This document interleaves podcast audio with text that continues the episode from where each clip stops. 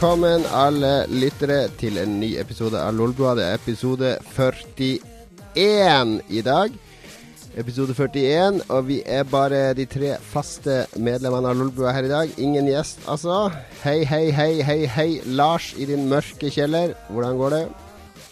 Hallo, det går dritt. Jeg har vondt i ryggen. eh, Men har nettopp fått tacolefse fra min venn Tien, så det gjør det jo bra. Så jeg har også fått meg litt eh, cola og litt whisky. Så jeg tror det ender opp på pluss her, jeg håper jeg. Det tror jeg nok. Og eh, kjæreste Magnus nede i eh, Ekebergåsen, hvordan går det? Du, du rusha inn døra for å bli med på Lolbua. Ja, jeg har um Jeg har eh, helt siden vi avslutta Lolbua sist, så har jeg vært i, i eh, konstant sprint. Så nå er det nok en liten sånn pust i bakken før jeg skal sprinte i gang uka mi igjen. Det har vært hektiske dager på deg, men det kan vi snakke mer om. Skal, I dag skal vi snakke eh, om to ting. Eller vi skulle egentlig Vi prøvde vel å få, eh, få eh, en Xbox-sjef med som gjest. Fordi når PlayStation 4 kom i fjor, så fikk vi jo med Marius Steen, som på den tida var PlayStation-sjef for hele Norden. Og han stilte opp i Lolbua. Det var jo utrolig eh, hyggelig gjort å stille opp i vårt eh, amatørmessige lille Ja. program. Men det Det var, var det var en veldig han bra sa jo opp like etterpå. Han sa jo opp like etterpå, så han følte vel ingen uh, hemninger. Han Ja, jeg, jeg tenkte òg det at han sa bare fuck it, jeg gjør hva jeg vil i den siste tiden. Han har oppført seg jo relativt ordentlig, da. Ja da, men han var mer livete enn man skulle tro fra en sånn uh, direktørdude. Så- Du vet nå åssen den greia der er når man har sagt opp i en jobb, så er det litt sånn der eh, Whatever. Og man, man eh, har litt høyere takhøyde, da. Så vi må, få, eh, vi må prøve å få at han mister jobben, han vi håper å få som gjest i neste uke. Ja, vi jobber hardt med å få, eh, få en eh, Xbox-representant med som gjest neste uke. For jeg tror de helst vil være med neste uke, fordi de har, de har litt sånn taushetsplikt fram til uh, fredagen. Når, når jo da Xbox One lanseres offisielt i Norge. Han sier i hvert fall at de har masse annonseringer som de kommer med akkurat den dagen, om ting og tang. Så, så det å være gjest i dag, da hadde han sikkert bare sittet der og Nei, jeg kan ikke si noe, kan ikke si noe. Nei, nei. Ja. Jepp, det stemmer nok. Men det har i hvert fall spart til neste uke, så det vi skal snakke litt om i dag, er den eh, såkalte eh, Gamergate, eller Lamergate, eller kall det hva du vil. Det er en eh, storm i et eh, gedigent, uh, bitte lite vannglass, hvis det, hvis det er lov å bruke en sånn motsetningsfylt beskrivelse. Hvis det er lov å ikke gi noe mening.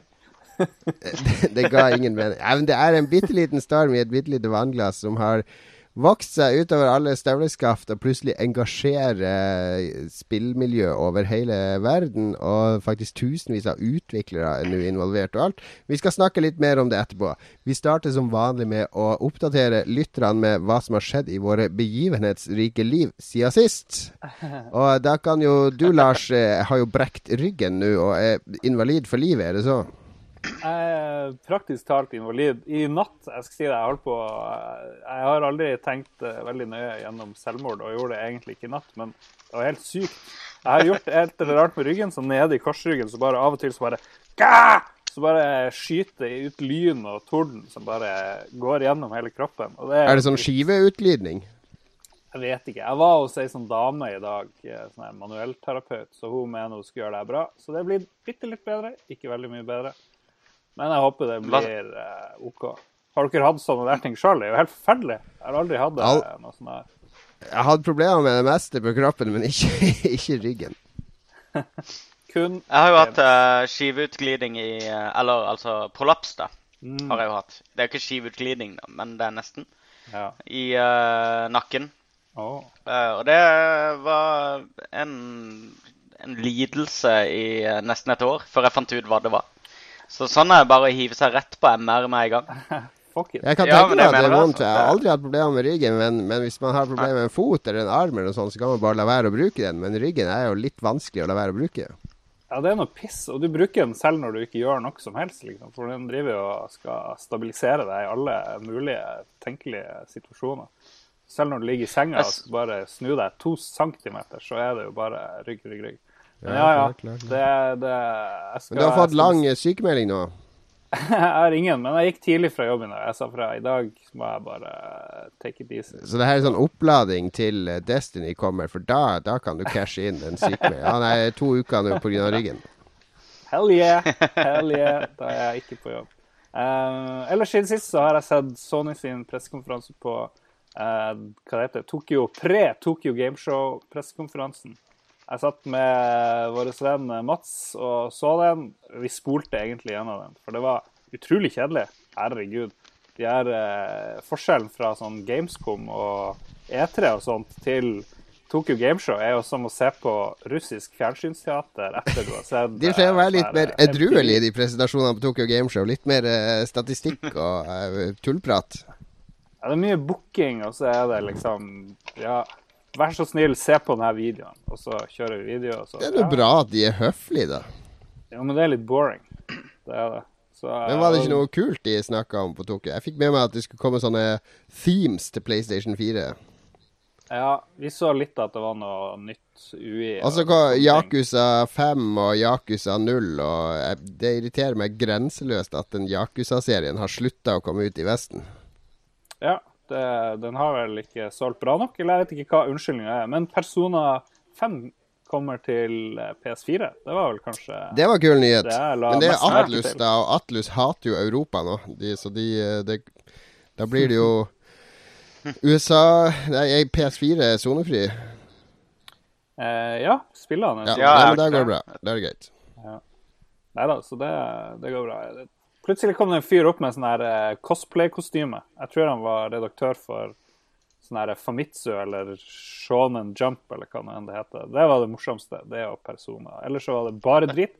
Så du kan godt skippe halvannen time med fjas fra Japan. Var det ingen eh, interessante annonseringer eller noen ting? Det var dritmye Vita, men jeg gir litt F i Vita for tida. Så jeg aner ikke Vita hva er jo det, det de casher inn på i Japan. Den er jo blitt svær i Japan. Ja. Det er jo var håndholdtlandet, så Ja. Så var det bitte litt Morpheus, men gud vet hva de sa om det. Fordi det var Ja, så det var dårlig en sånn på eh, kjønnsdiskriminerende promovideo, har jeg hørt rykter om, i disse kjønnsstormstiden kjønnsstormstidene. Ja, det var noen sånn skolehjelpsappen du kunne liksom laste ned og drive og prate med en sånn her dame i skoleuniform. Det er jo en, selvfølgelig en vinner for alle vi som ikke har kjæreste. Så det blir bra. Det gleder jeg meg veldig til. For alle de som ikke har kjæreste, aka Lars. Nei, nei, det så litt trasig ut. Det var noen som skrev i et kommentarfelt at nå kommer fødselsraten i Japan til å gå enda mer ned. Den er jo allerede kritisk lavpunkt pga. alle nerdsen som bare sitter og har sånne virtuelle kjærester. Ja, ja, ja. Og så skjønte jeg jo, eh, fordi for våre faste lyttere, de husker kanskje at sist vi hadde sending mot slutten av sendinga, så satt Lars og brekte seg på direkten fordi han hadde åpna en eh, en uh, lekker uh, makkøl som han skulle leske strupen med, og den var ikke så mye å leske seg med. Nei, det var merket Mack Isbjørn, og jeg skrev jo nyhetssak om det etterpå. For jeg måtte jo som privatperson Jeg lurte jo veldig på hva det hadde drukket. For jeg åpna den, skjønte at det var noe rart, men tok en liten slurk bare for å være sikker. Og så kom liksom eimen av drit og råtne egg og alt mulig veltende ut. Så jeg bare Oi, shit, er jeg poison der, eller hva er det? Altså, du åpna den, og så lukta det sånn Hm, det lukter bæsj. La meg smake om det smaker bæsj òg. Var det det du tenkte? jeg, det, jeg fikk bare med meg at noe var rart, og så okay. måtte jeg jo ta en slurk. Og så liksom, etter at den kom i bevegelse, den der veska, så bare liksom dunsta det ut. Det der, eh, Har du tatt vare på resten av de boksene? De må du jo ha med på hytteturen. Og lure Ja, i danskene ja. og sånn. Ja, for de kom i sånn tolvpakning, de der. eh. Ja, men de må, du, de må du ta med på hytteturen. Skal vi, eh, skal vi terrorisere litt. Ja, det høres bra ut. Genialt. Men, Men, eh, jeg så den artikkelen din i Harstad-Tine. Jeg var veldig skuffa over at ikke du var subjekt i artikkelen. Skulle helst ha sånn bilder der hvor du sitter i lenestolen i litt den Jabba the Hutt-stilling, Ja. og de ser litt sånn snurt ut, og ser snurt bort på den der tolvpakken du har kjøpt. Så, ja, nei, nå skal vi kose oss og ha podkastinnspilling, og det ble helt spolert og Jeg vurderte jo å ta et klipp fra sendinga vår og ha det i saka, men faen heller. Jeg gidder ikke fokusere på meg sjøl. Men eh, det kom jo Nyheten gikk jo land og strand rundt, pluss en sånn komipodkast eh, borti USA eller et eller annet. Eh, Det var en podkast i USA som snakka om at du satt og brakk deg fordi du drakk makkøl som lukta fis. Det, det stemmer vel delvis. Jeg har ikke hørt det sjøl. Men eh, våre venner i uh, Rad Crew tipsa oss om det. Så det er ikke verst. Du store.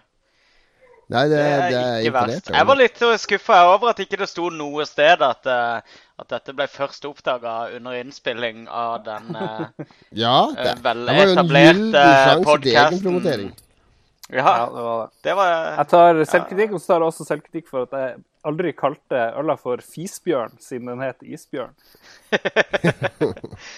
Ok. Jeg, kan si eh, jeg har Siden sist så har jeg bestilt en tur til fagre Tyskland. Nærmere bestemt Essen. Eh, dit skal jeg i midten av august på verdens største brettspillmesse. Eh, en messe som får etere til å blekne i størrelse, visstnok. Uh, det er i hvert fall fire dager med tusenvis av uh, brettspill og nye brettspill og prototyper, og masse, masse, masse, masse helt nye brettspill som lanseres akkurat i denne uka, som man bare kan kjøpe der. Så jeg skal selvfølgelig fylle opp en koffert der nede og komme hjem med gull og sikkert litt gråstein òg, men det er eh, det er Alle som har vært på i Essen, sier at det er en veldig kul messe å besøke. Veldig vennlig og hyggelig. Og alle spill som de lager nå, det kommer jo både med engelsk og, og Alle kommer med engelske instruksjoner og sånn. Så det gleder jeg meg veldig til. Vi er en liten uh, Lolbu-crew som skal ned dit. Jeg har fått med meg tre av vårt entourage fra, fra Los Angeles som slår følge nedover. Det er ikke verst. Så eh, Essen er vel også kjent for god mat, er det ikke det?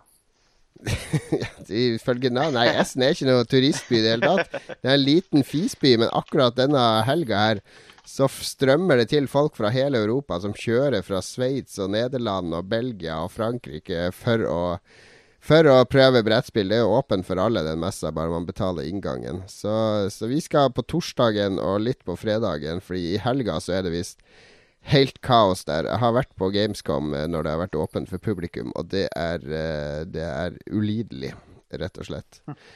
Og i samme brettspillånd så har jeg altså spilt eh, et helt fantastisk brettspill nylig som heter Terra Mystica. Som er, eh, det er, et, det er et brettspill der man skal erobre landområder og være forskjellige raser. Og det, jeg klarer ikke å gjøre det spennende ved å snakke om det, men det er sånn nummer syv, tror jeg det er rata på Boardgame Geek of all time. Og det var utrolig imponerende. Jeg, jeg skal prøve å skrive noe om det på lolbua.no. Det er lettere for meg å snakke om det. Bra. Så må vi jo nevne at vi har vært utrolig aktive på Lolbua i det siste. På .no og .com kommer man vel også til hjemmesida vår. Man kommer dit. Vi har Ja, ny... jeg har helt kanskje ikke ny vært uh... ja. Hva sa du, Magnus? Jeg har kanskje ikke vært like aktiv som dere, men uh, det kommer. Ja, du har vært det aktiv med å klikke innom og lese sakene våre. Ja, det har jeg gjort. Det har jeg så absolutt. Neida, men eh, det er Vi har en helt ny nettside, vi, vi produserer en del stoff der. Og vi, vi lager Hva er visjonen vår egentlig med lolbua.no? Er det ikke en utløp. forlengelse av podkasten? Det å ha et utløp. Det er et slags toalett for alt vi ikke får ut i løpet av tror toalett, men det er også en, en sånn side som jeg, jeg skriver i hvert fall og lager ting som jeg har lyst til å lese eh, om sjøl, på en måte. Som jeg ikke finner andre steder. Ja. Nei da, den er jo enda i startfasen. Jeg kaller det beta-fasen enda, så vi får se hva som skjer. Men eh, ja, det er spennende. LOL-beta. Men eh, Magnus, da. Har du noe å dele Ja. siden sist? Du pleier ikke å Eh, ha de mest spennende historiene, men nå sparte jeg til sist, for du har hørt rykter om at det har skjedd veldig mye spennende i livet ditt.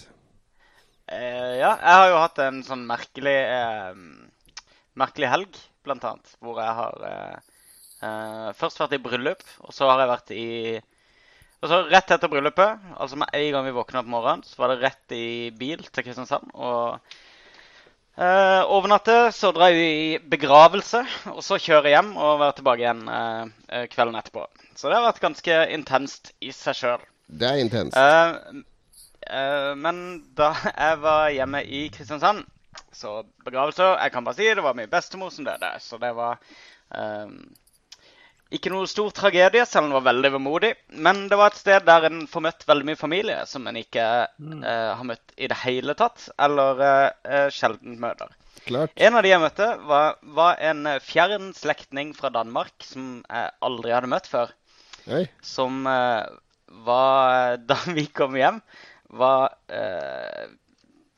ganske drita. han hadde tatt danskeferja og sittet i baren hele veien. Eh, og jeg- han var en merkelig, merkelig, merkelig skrue. Han var langt ute i familien, da. Eh, Det er bra at han er dansk, for da kan, eh, du, da kan du henge han ut her på Lolbua. For det er ikke noe stor sjanse for Ja, at han sjekker ut der. yes. Um, eh, etter en eh, Vi ble sittende og ta et par pils utover kvelden, eh, og da eh, spurte jeg hva han drev med. Og da ble han sånn veldig, veldig interessert i meg. Nei, han, han drev med Blant annet han var kiropraktor, da. Jaha. Så, å, er du det? Jøss, så spennende, liksom. Eh, Jeg er jo litt sånn skeptisk til, til mye sånn her, da. Men, eh, men eh, det, var, det er jo et veldig gøyalt samtaleemne. Så sa jeg det er vittig, det, for jeg våkna faktisk i dag med helt stiv nakke. Og da var han der med en gang. 'Jeg har med nåler! Jeg har med nåler!' Oi. Det- Akupunktur, Ja, altså. ja. Så jeg var Ja, ja, kult. Kjør på. For det at jeg har jo I baren? ja, akupunkt... Nei, nei, han hadde vært i baren på danskeferie. Ja, Dette var hjemme ja. hos oss på kvelden, så vi satt og, og drakk øl. da. Uh, uh, bare et par øl.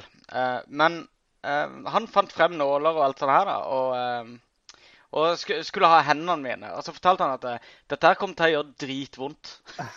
Og jeg har alltid hørt om akupunktur at det gjør ikke noe vondt. Du kjenner ikke at de stikker inn nålene.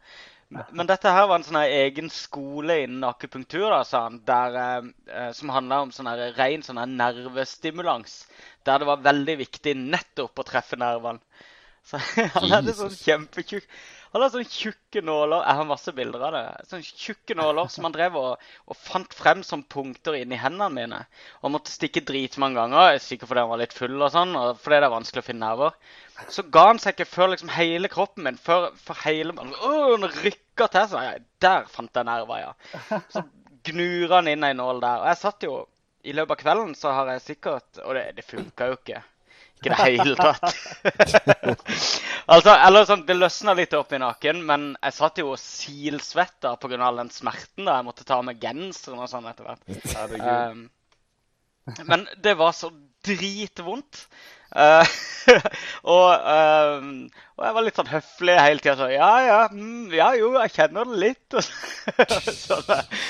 Og så, og så, eh, og så var vi endelig ferdige. Og da hadde jeg allerede hatt en nål i panna, fem nåler i ørene og liksom fire, fem, seks steder i fingrene og i nakken. Og han skulle liksom ordne meg opp, da.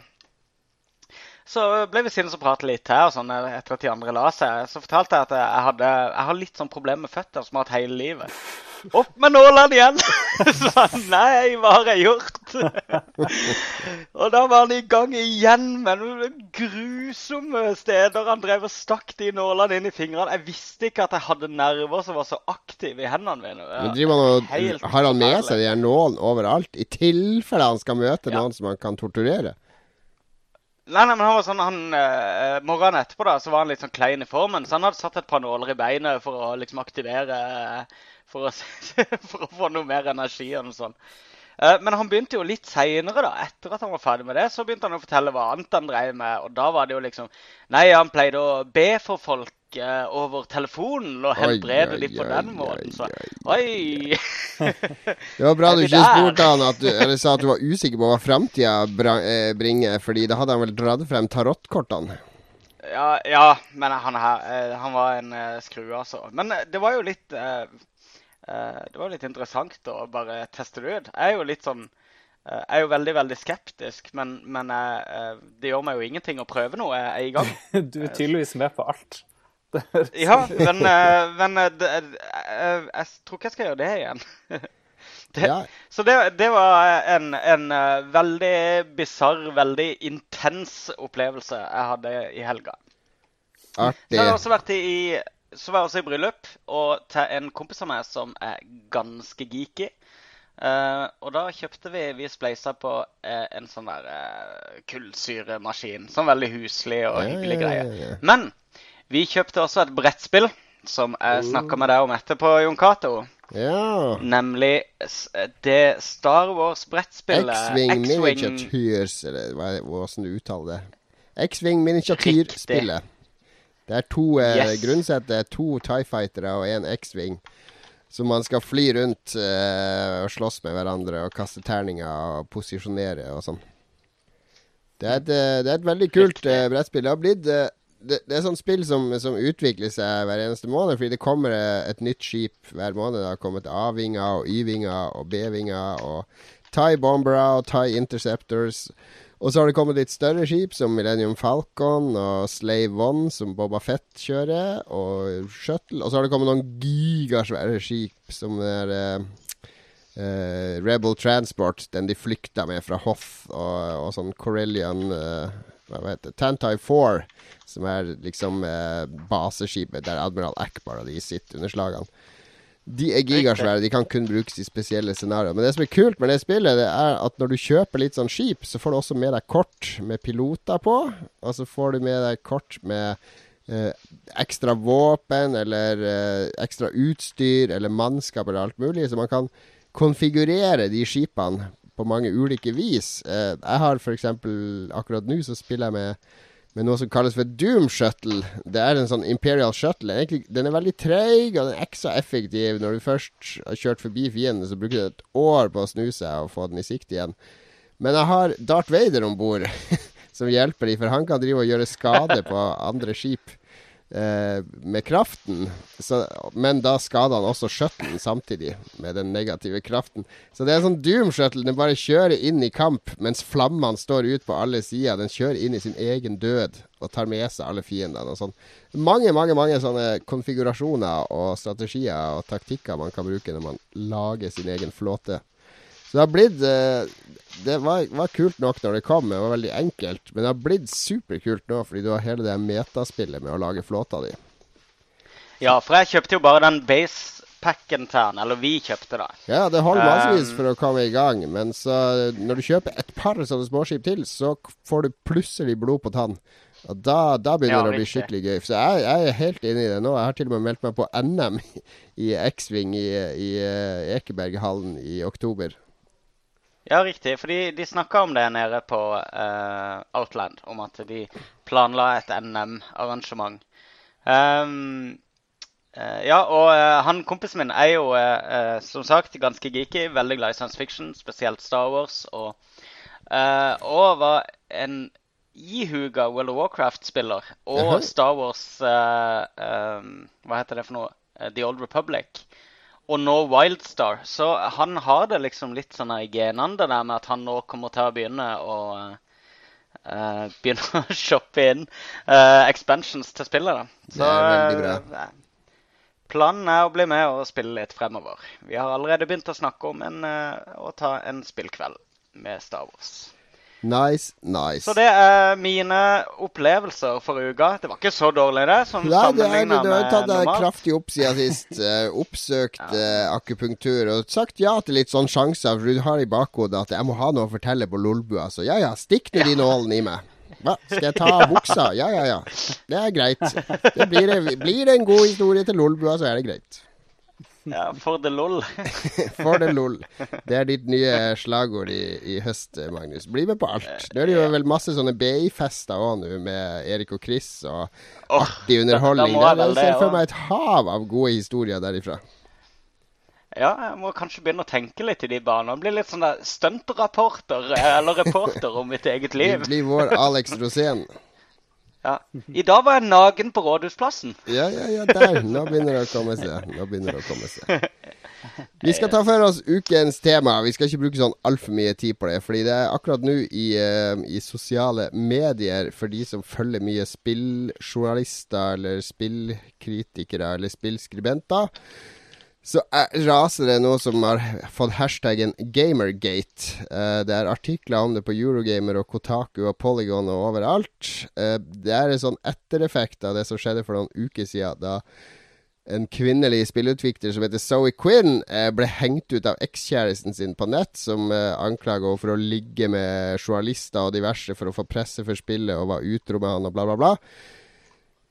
Det, det, har blitt, det har blitt en gigantisk snøball av eh, alle mulige temaer på en gang. Det er feminisme, det er social justice warriors, det er eh, korrupsjon og fraternisering. Det er anklager om at man aldri mer kan stole på spillpresse. Det har blitt ah, pekefingre mot uh, frilansskribenter i spillmedia som har støtta spill på Kickstarter eller på sånn hva heter det, Pation, der de kan supporte independent developers med å gi de et par dollar i måneden. En hel haug med oppgulp og galskap, og uh, jeg syns det er galskap, fordi det er, det, det, det er så mye folk som er så sinna, ekstremt sinna, spesielt på spillpressen har det blitt nå, fordi at de har først rast mot uh, alle de her damene og dit og datt, og nå er det spillpressen som skal rives ned og ødelegges. Og det her kalles for Gamergate. Uh, en slags ventil for frustrerte gamere. Har jeg oppsummert det riktig nå? Eh, man kan søke på hvis man vil uh, sjekke ut Du kan søke på Gamergate, og Eurogamer har en sånn editorial i dag der det er link til et par bra artikler om det osv. Så, videre. så for de som er interessert, eh, så er det bare å søke på det. Men, men jeg syns personlig at det er litt sånn Det er en storm i et vannglass. Det er det her navlebeskuende Det spilljournalistmiljøet har alltid vært altfor navlebeskuende. Altfor opptatt av seg sjøl og sitt og det vi gjør, og alt må være riktig og ditt og datt. Uh, ovenfor hverandre og klappe hverandre på ryggen og heie hverandre frem. Uh, så at det her Gamergate ville aldri blitt så stor hvis ikke også spillmediene hang seg med på hele karusell. Men det siste nå er jo at veldig mange utviklere har gått ut og så gått imot uh, disse Spesielt disse dødstruslene og hetsinga og mobbinga og sånn. Og det har vært sånn svær underskriftskampanje der mange, mange mange store studioer og utviklere fra de har skrevet under på.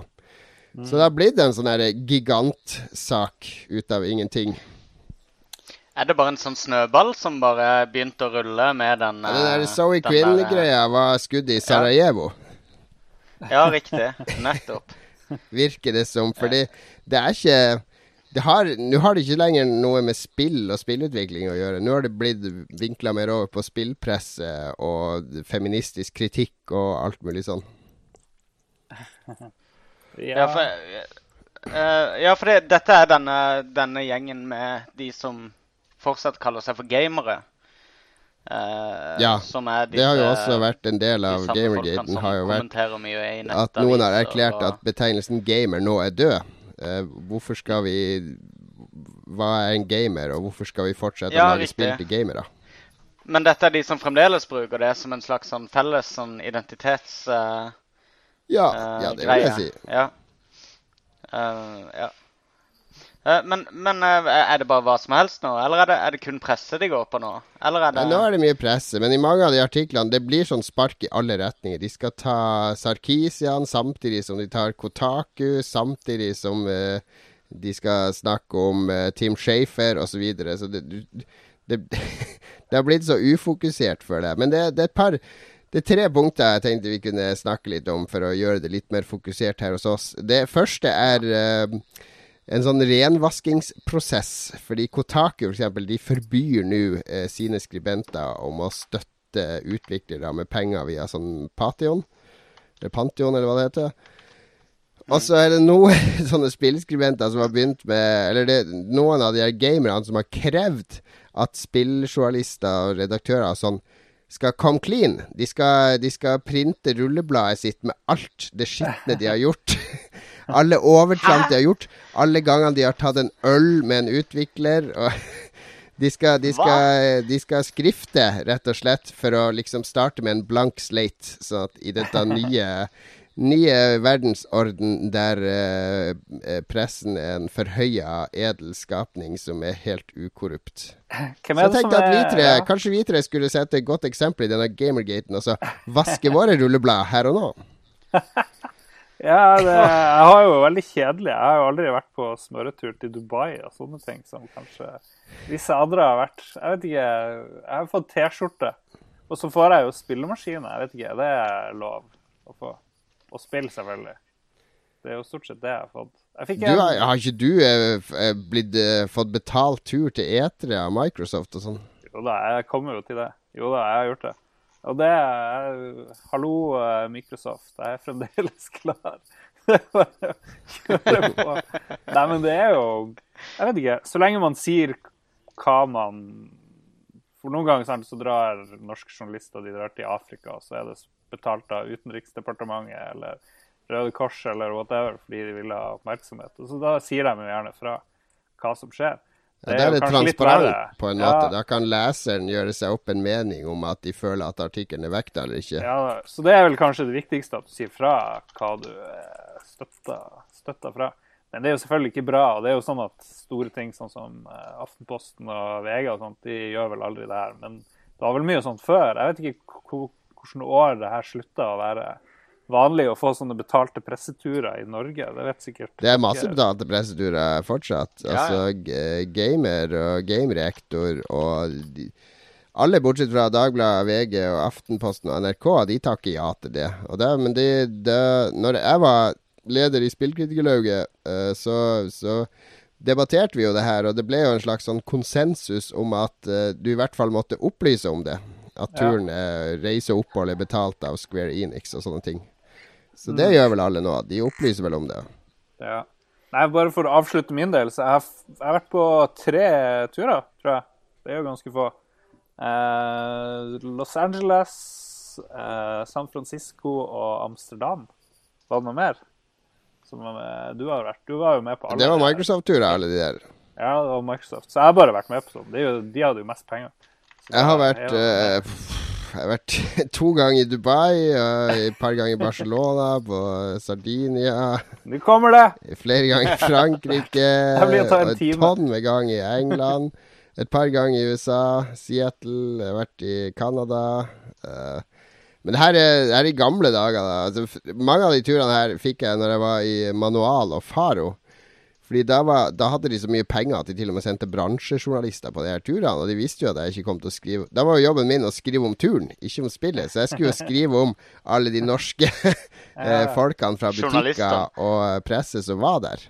Mm. Så, så det, jeg hadde jo mitt helt på det tørre. Det var helt greit for redaktørene mine, eller eierne mine i de bladene.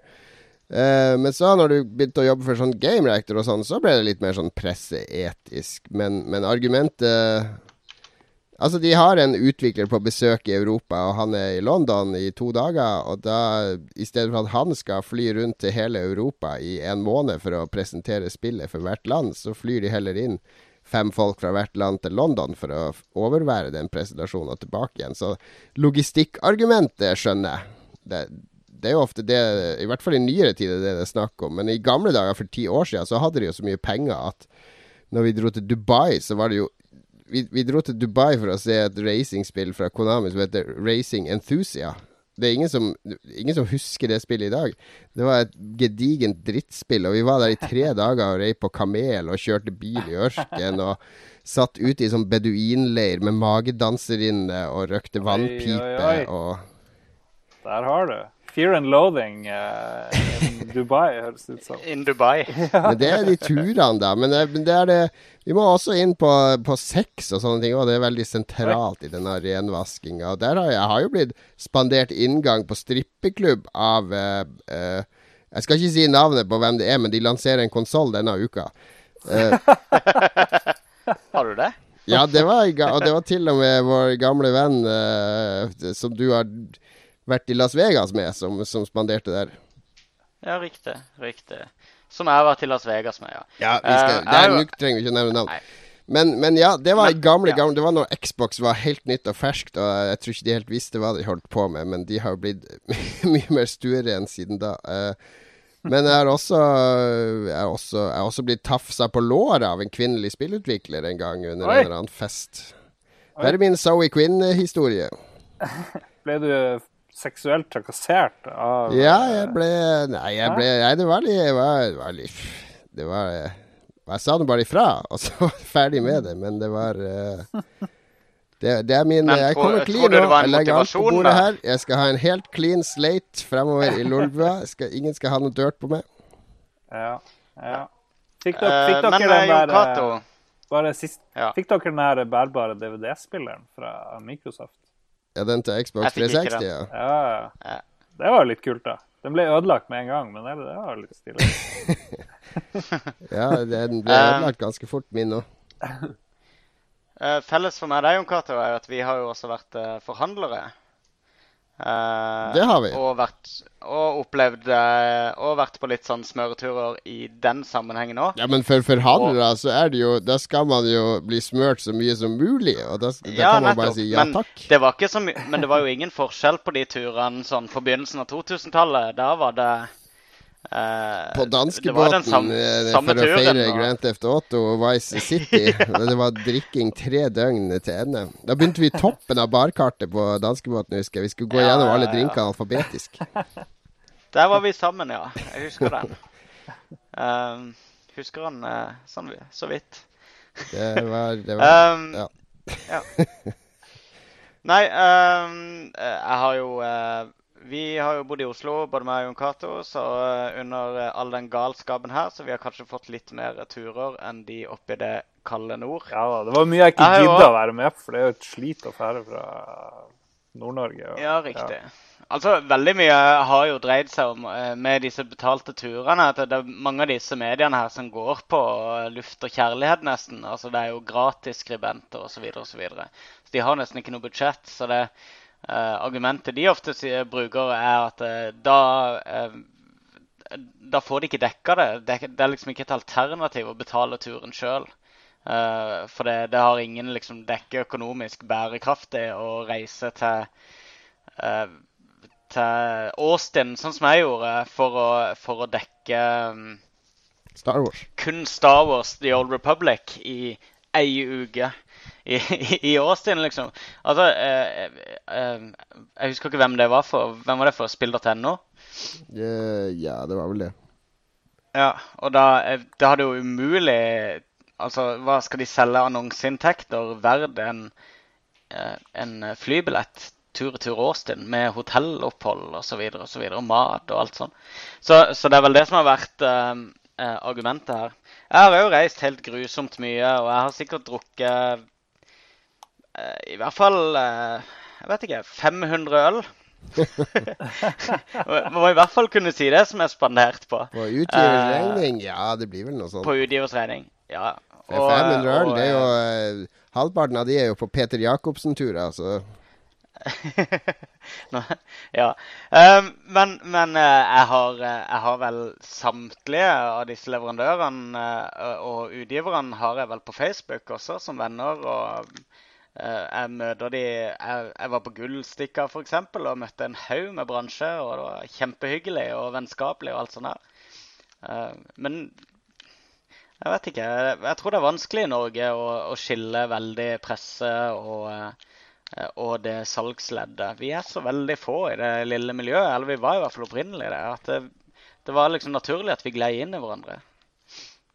Men vi er vel også en litt sånn out sånn seksuelt. Ja, sånn der eh, ut... eh, hva heter det? Out, outpost post, eh, jeg, jeg klarer bare å Utpost. tenke engelsk. Ja, vi er så, Utpost. Utpost. ja, vi er så langt langt ut i grenene at de få som jobber, de som er igjen nå i Norge, de, de Ja. sitter jo bare og uh, uh, utøver det som blir bestemt fra Sverige, som igjen er blitt bestemt fra Europakontoret, som igjen De har ingen makt, og de er rimelig eh, desillusjonert med hva jobben deres egentlig er. Sånn at eh, det går fint an å ha fornuftige samtaler med dem, der de faktisk sier at de er like frustrert som oss på at det ikke er tilgang på ditt, eller at det blir gjort sånne avtaler, eller alt mulig sånn. Og det setter jeg pris på altså, i mitt virke, at jeg faktisk kan få sannheten ut av de. Eh, Ja. Og ikke bare møte sånne PR-maskiner hele tida. Men det hjelper jo ikke. Du kan jo ikke skrive eller rapportere om de her tingene. Det er jo bare personlig, er det ikke det? Jo, men det er greit Det å, er jo å vite informasjon dette. som hjelper meg å lage stoff som blir best mulig for de jeg skriver for. Ja. Og selv om du kanskje ikke bruker den informasjonen sånn spesifikt inn i en sak, så er det noe som bygger Altså at du får en oversikt og en, et innblikk i hvordan bransjen fungerer, som gjør at du generelt gjør en bedre jobb. Ja, for Vi er på vei inn Men på jeg- punkt to nå. Det er nemlig eh, Punkt to i eh, Gamergate, eh, etter min oppfatning, er at de vil at media skal bli mer transparent. Kan pressen støtte utviklere med penger, kickstarter eller uh, andre ting? Bør eh, journalistene opplyse om det her? Er det riktig at en journalist som har intervjua og besøkt en utvikler flere ganger, kan anmelde et spill som den utvikleren lager? Eh, jeg vet f.eks. at Pressfire de, der anmelder aldri han som har intervjua noen om et spill, det samme spillet. Eh, fordi det skal være skille mellom mellom han og kritikeren. Og det, det, i, I Aftenposten så er det også sånn at jeg får ikke lov å skrive reportasjer fordi de, de skiller på kommentarer, skråstrek kritikere og eh, journalister. Men de har heller ikke um, Altså som preview og review, eller anmelder og forhåndstitt, eh, er aldri den samme. Uh, I, uh, I Pressfire, ja. ja. Fordi en preview ja. er jo ofte basert på intervjuer og ditt og datt. Riktig, riktig. Uh, jeg føler jo at er det, er det, må man være så streng i spillmediene for å unngå korrupsjon? Blir man korrupt synes... av å dra og Blir jeg korrupt av å besøke Red Thread i Oslo, liksom? Kan jeg ikke da skrive om drømmefall? Hvis du blir tatt med på strippebar og blir spandert 1000 øl, så vil jeg jo kanskje si at det kan se ut som fra utsida at du er kjøpt og betalt. Og det er jo der problemet ligger, kanskje. Ja, det er det ikke det som er problemet, at så lenge en leser kan stille spørsmålstegn ved, ved det, så er det noe å være bekymra for? Jo da. Jo da. Det er jo det. Det er jo utgangspunktet til Vær varsom-plakaten. Det er at uh, så, lenge grunn, så lenge noen kan så tvil rundt det, så er det en dårlig idé, er det ikke det? Er det ikke det som er den generelle regelen? Jo, jo, jo. Det, det, så vidt jeg har skjønt, så er det det. Men det er også det, det, er en vanskelig balansegang, fordi eh, man, man, skal jo man er, Altså, i en ideell verden eh, så vil jo et spillmedie har 20 ansatte og uendelig med ressurser til å lage ja. disse skillelinjene og til å ha disse skilleveggene mellom kritikere og de som skriver previews osv. osv. Men det er jo ikke sånn verden fungerer. Og spesielt som frilanser, merker jeg. Jeg må jo balansere veldig mange baller. ikke sant? Jeg må lage intervjuer, jeg må lage reportasjer. Jeg må drive oppsøkende journalistikk, og samtidig må jeg bruke, drive kritisk journalistikk. Og, og, jeg har jo mange spillutviklere som jeg anser som å være bekjente, og, og som jeg har tatt øl med, og, og ja, ikke som jeg har oppsøkt på fritida, men som jeg har uh, had, vært med i sosiale tilstemninger med og trives i selskap med, men det betyr ikke at jeg ikke kan ha et kritisk syn på spillene deres. Jeg, jeg syns ja. Jørgen Taraldsen er verdens hyggeligste fyr, han som er i Megapop Games og lagde Trolls vs. Vikings. Men jeg ga spillene et terningkast to for det.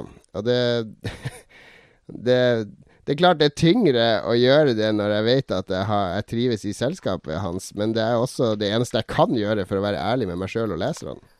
Ja, på et eller annet punkt så må du jo, liksom OK, men vi er jo ikke bare sånn roboter som bare blir liksom styrt av, av eksterne impulser, liksom ekstern stimuli. Altså, på, på, et eller annet punkt så må du kunne stole på at journalister er journalister òg. Jeg føler i hvert fall at gjennom handlingen din så beviser du hvem du er. Fordi det, det fins jo ja. Vi har jo vår felles bekjent uh, i, i uh, Game Reactor, Magnus, han uh, har jo blogga veldig mye om spill og ting han får tilsendt, og det gjør han jo som, som en takk for at han får de. Ja. Ja, ja. Og, og, og det, da blir ja, det jo ja, transparent men... på den måten. Du skjønner jo han, hvor han kommer fra og hva han gjør, så du må jo bevise ting gjennom det du gjør. Ja, nettopp. Men da må han liksom dømmes ut ifra sakene sine, da. Og om, om de er liksom ja, og ikke det at du posta på, eh, på uh, Twitter at du var ute og tok uh, møtte en fra Krillbite og tok en øl med han. Å nei, da, da er det korrupsjon. Men det er jo to forskjellige ting ja. her, da, hvis vi skal holde de fra hverandre. Det ene er jo å være inhabil. ikke sant? Hvor nært knytta er du noen? Og det andre er hvor mange goder får du fra en kilde, uansett hvor god venn du er med de eller ikke. I, jeg jobber jo i dagligpressen. og det har jo tradisjonelt vært mer eh, fokus på etikk i, i, det som ikke har vært spillpressen. da. Det begynner jo å bli litt ja. annerledes nå. og Der er det jo mange regler som man kan bare hente rett inn i spillpressen. og Det skal jo veldig mye til for at du er inhabil. Du skal jo være bestekompis, eller du skal være i nær familie omtrent, eller uh, Forloverstatus ja. omtrent, er det ikke det? Det er nesten ja. dit du skal. Ja, du skal ganske nært, så det der med å være inhabil, det skjer jo nesten aldri, egentlig. Uh, Men vi har jo eksempler på at det òg har skjedd. Med forloverstatus. ja, vi hadde jo og, og bryllup. Tidligere programleder i Spillmagasinet var jo gift med, med markedssjef for Xbox i Norge. Så det, det, det er vel et ganske soleklart uh, inhabilitetsproblem. jo da. Jo Og hadde vel eh, vel markedsansvarlig for Electronic Arts som forlover, hvis ikke jeg husker feil. Ja, da veide det opp. Da ble det pluss og pluss blir minus. Ja, men det blir, vel, det blir vel unntaket. Men jeg er jo mer sånn Syns jo det er et bedre argument det der. Jo mer goder, jo mer bestikkelser du får, jo større kan problemet bli ut av det, i hvert fall. Hvis eh, folk blir Men jeg må jo se på en, en må se det litt på hva har en å tjene på det òg, da. Ikke sant? Altså Nei, nei. Du må se på hvordan ser det her ut, ikke sant? Hvordan Ja, men nå snakker Ja, ja. vi om goder, nå snakker vi ikke om sosial omgang. For det å pleie sosial omgang, sånn som meg og Magnus når vi er på Klekken, det gir jo meg tonn med informasjon til kommentarer. Jeg får et innblikk i hvordan det funker. Jeg får uh, masse utviklere som spiller sine beans overfor meg. Eh, Det er veldig nyttig for meg som journalist, kritiker, kommentator å uh, delta på en sånn sosial tilstelning med spillutviklere. Ja. Men, Ja. men, ja. med, med goder så mener du mer sånn fysiske goder? eh? Ja, tur på strippklubb eller eh, verdens dyreste champagne eller whatever, liksom. Ja, men Det de tidene er over i stor grad. Altså, presseturer i dag, det er tur-retur Stockholm samme dag.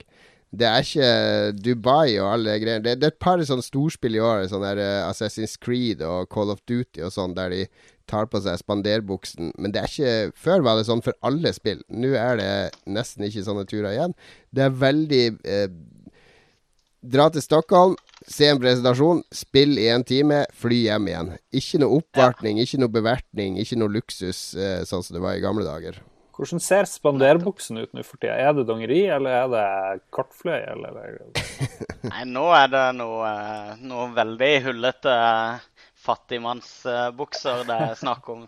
Det er ikke så veldig mye ekstra de har på, på verken Norden og i hvert fall ikke Norge for tida. Men for å avslutte vår Gamergate-diskusjon, så det, et av de siste argumentene er jo en av de mest eh, eh, Kanskje de villeste eh, i denne Gamergaten. De mener nemlig at media de slipper ikke til kritiske røster. Er det sant at det er en konspirasjon mellom spillmedia der de ikke slipper til folk med andre synspunkt? Eh, er, er de, det er noen som mener at det er en stor sånn uh, game-media-illuminati som nå har satt opp en felles front Hell yeah. og, og så videre. Hvor, hvor, hvor foregår disse Illuminati-møtene?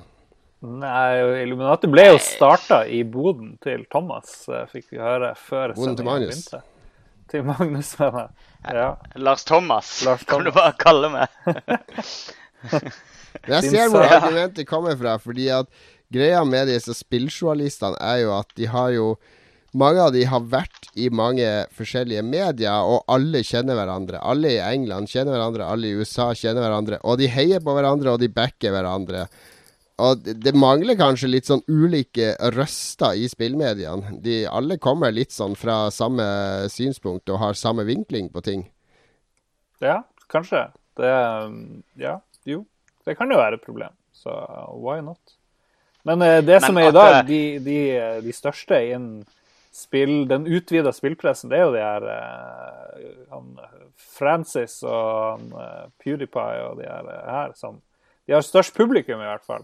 Det har de. De er- henger jo helt utfor eh, mainstreamen.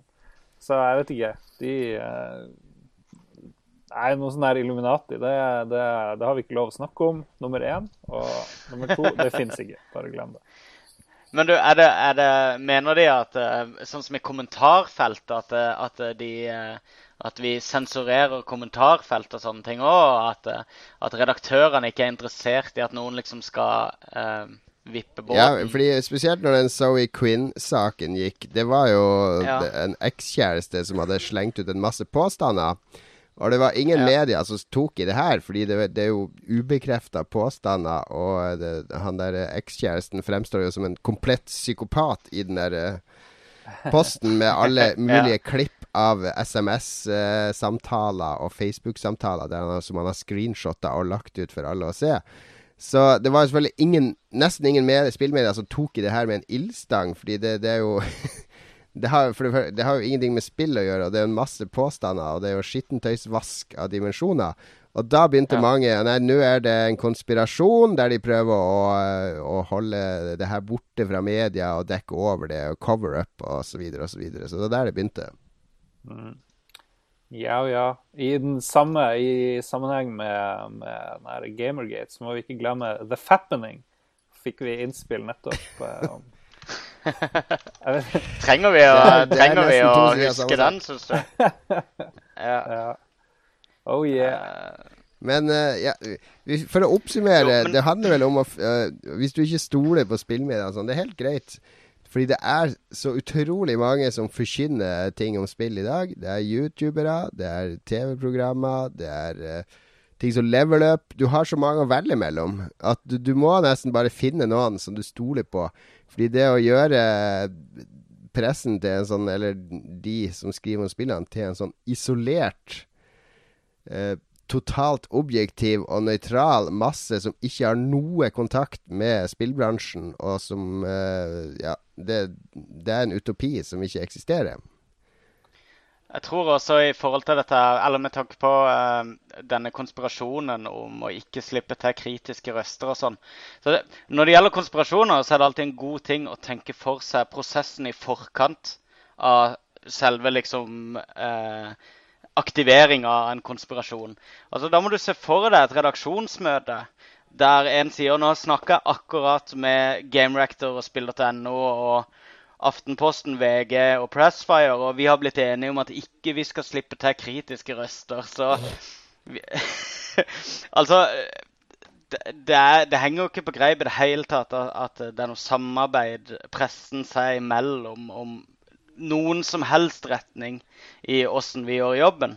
Uh, De som sier det, Men- det er vel de samme som er sur fordi det blir sensurert på VG eh, sine diskusjonsforum. men Fordi det er, så, det er så lett å skrive bare Det er så lett å bare si at eh, eh, Jeg leste tre positive saker, ergo er det en korrelasjon, ergo er det en konspirasjon.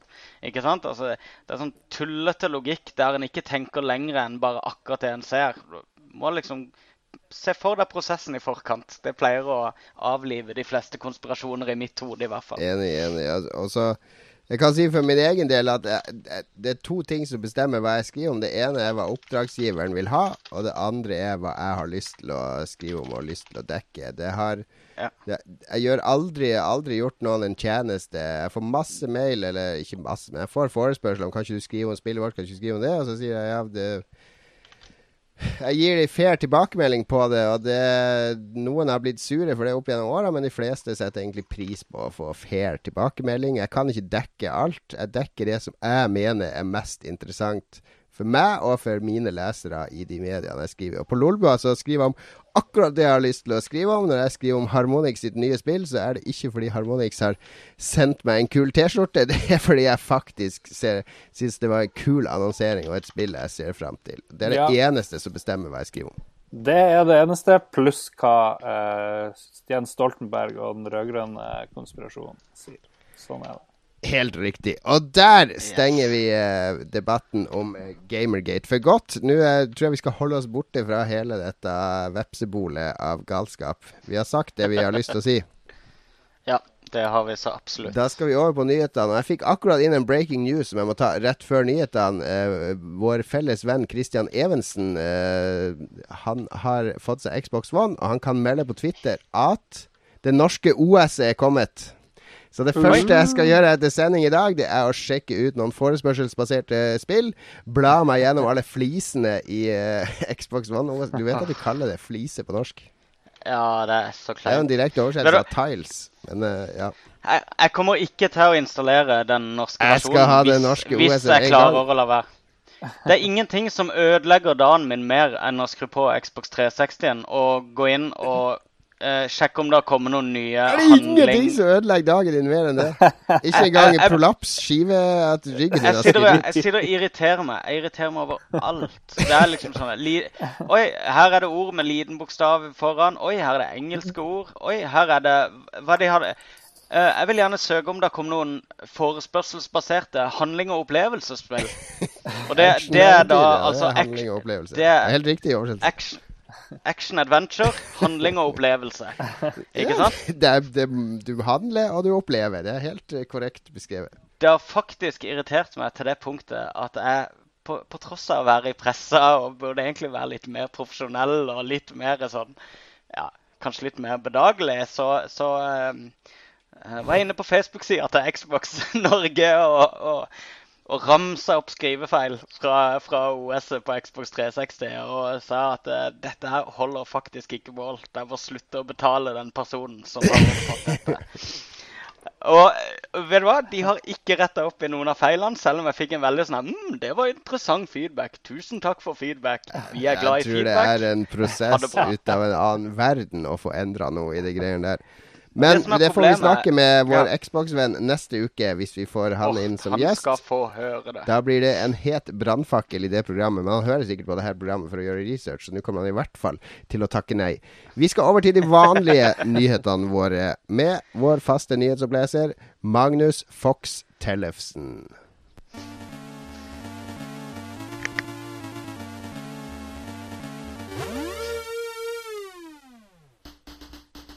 Gamle spill blir som nye. The Last of Us ser ut til å bare være starten på en bølge med PS3 og Xbox 360-spill som kommer til den nye generasjonen. Vi vet allerede at GTA 5 kommer til de nye konsollene i høst. Nylig har også Tekmo annonsert at 2012-spillet Dead or Alive 5 er på vei til PS4 og Xbox One. Mens David Cage, eller Kaj som vi kaller han i Lolbua, nå jobber med å klargjøre Beyond Two Souls til PlayStation 4. En av de største titlene fra Microsoft i høst er Halo-samlinga, hvor en oppussa versjon av Halo 2 er rosinen i pølsa. Kjøpte vi virkelig PS4 og Xbox One bare for å spille gamle spill i marginalt bedre utgaver? Hmm. Nei! Vi kjøpte ingen av de fordi vi fikk de alle sammen. det var ganske... Snakk for deg sjøl. Jeg kjøpte begge mine. Du har kjøpt begge. Jeg er ikke... Jeg er ikke medlem av Illuminatien i spillpressa. Så Men er ikke det her en teit Hvorfor lager de ikke heller Dead or Alive 6 til Xbox One og PS4 ja, i stedet for å konvertere et to år gammelt Dead or Alive-spill? Det er jo masse folk som ikke har kommet med i spillverden før nå, ikke sant? Nå kan de få uh, testa de spillene. Sånn er det jo. Spesielt Masse de som folk. Det, var, det er jo 150 millioner som har PS3 og Xbox 360, og 15 millioner som har PS4 og Xbox One. Det er jo, det er jo, det er jo tatt av nøyaktig den samme spillerbasen som hadde de forrige. Nei, men alle de som ikke hadde Xbox One eller PS4 før, kommer det masse Kommer det Halo på nytt, så kommer det uh, Last of Us. Halvparten av de her 100 bla, bla millioner, masse av de hadde ikke muligheten til å spille det. Men nå har de bytta konsoll, kanskje, eller kanskje de kjøper begge. Hva er galt med valgfrihet? Og det å si at de heller skulle lage Dead or Alive 6 eh, ja, Hva skal du gjøre nå når f.eks. Eh, God of War HD Pluss Collection kommer? For det kom HD Collection med God of War til PS3, ja. og nå kan de lage en HD Pluss Collection til PS4 med de samme spillene med 1080P denne gangen. Det er, det... mye fortere å lage de greier nå, så det er jo ikke som om de kunne lagd et helt spill for den ene remaken. Jeg sier shut the fuck up. Det, men det er kostbart og det er tidkrevende. I Naughty sa jo at Last of Us-greien tok mye tid å lage. Å, oh, det tok så lang tid å lage. Kom, ja. Eh, kom under et halvt et år etter at den første kom, som de lagde i fire år, ikke sant? Ja, men jeg, jeg tenker at det kan være sånne tegn på de har manglende ressurser. Ok, hva, hva, gjør vi? Vi tør ikke å satse på noe nytt. Et nytt PS4-spill, det er fire års med utvikling. Og en totalt uh, sjansespill når vi skal lansere det, med om vi kommer til å tjene penger på det eller ikke. La oss heller ta et spill som har solgt greit på de gamle konsollene, og så konverterer vi det. For da har vi regna ut her på markedsavdelinga at så og så mange kommer sikkert til å kjøpe det. Ja, og de har jo ikke slutta. De legger jo ikke ned spillselskapene. De lager jo nye spill mens noen driver de, gjør, de lager jo ikke nye spill. Hvilke nye spill lager Tech mot PS4 og, og Xbox One? Ja, men Tekmo er ikke de det i Japan. Ny grafikk. Er, de kan ikke regne Hva skjedde med David Kars ja, og den der trollmann-demoen? Hvorfor skal han drive og gi ut det der middelmådige Beyond Two Souls på nytt, i stedet for å jobbe videre med all den der ansiktsteknologien han sto og skrøt av? Det er fordi han klarer ikke å leve med at han lagde et spill som bare alle glemte dagen etter at det var lansert. det er jeg ganske sikker på. Tekmo er det er egoet til David Cage. Tenk meg vel det ene selskapet som ikke lager noe nytt nå. Ellers så lager jo de som lagde The Last of Us, de lager nye spill. De som lager GTA5, lager nye spill. De som lagde um, Cars, lager jo nye spill.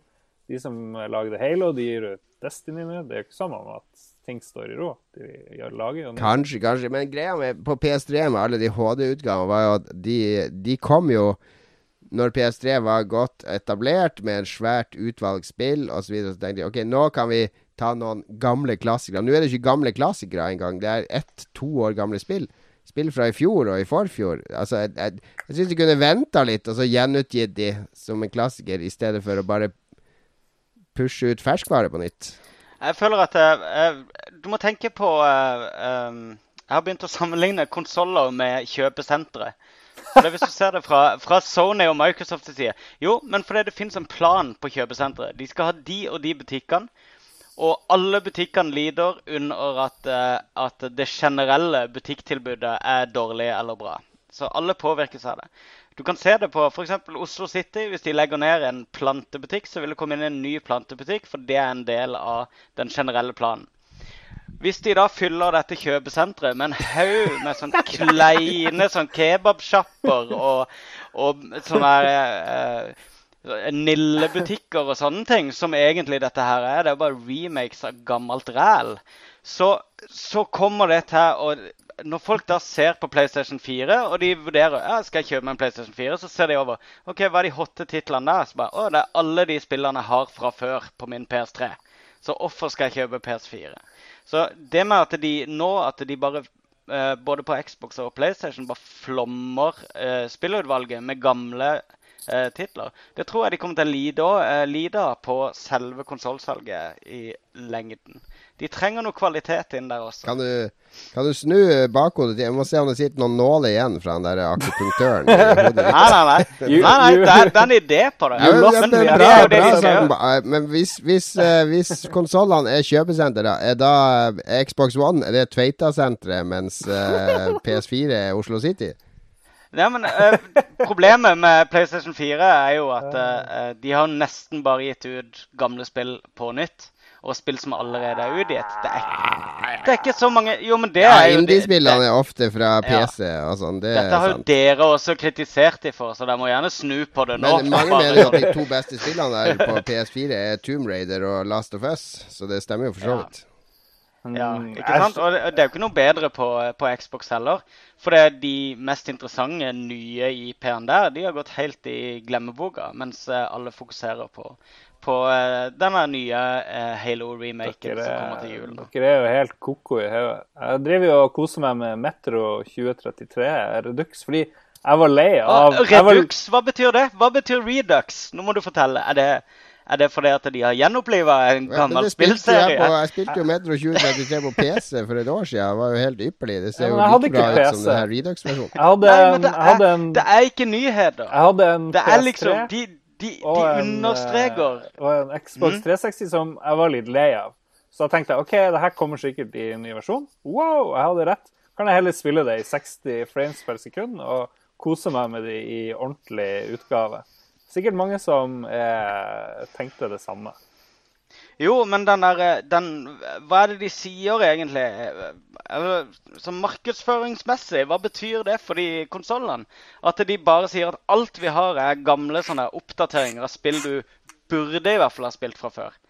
Skal du betale 4000 spenn for å liksom spille spill som ligger i tilbudskorva til konsollen du har fra før? Så i stedet for å sitte Bare sånn fordi at du gjorde skal ha grafikk? Så i stedet for sånn som vi gjorde før, å sitte og vente i ett år etter at spillkonsollen kom ut med tre bra spill og en haug sånn halvbra spill, så skal vi Så vil vi ikke ha det. Vi vil heller eh, ha masse kule remakes av spill. Så kan Vi liksom- vil jo ikke det. Vi vil, vi vil egentlig alle sammen spille VU, for der kommer det bare nye, originale, kule spill.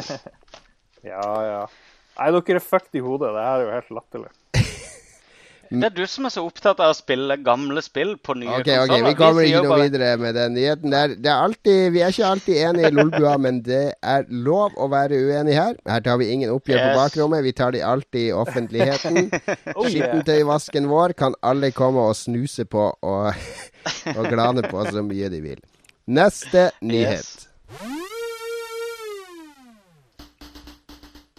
Lås opp Destiny-innhold med Call of Duty forhåndsbestilling.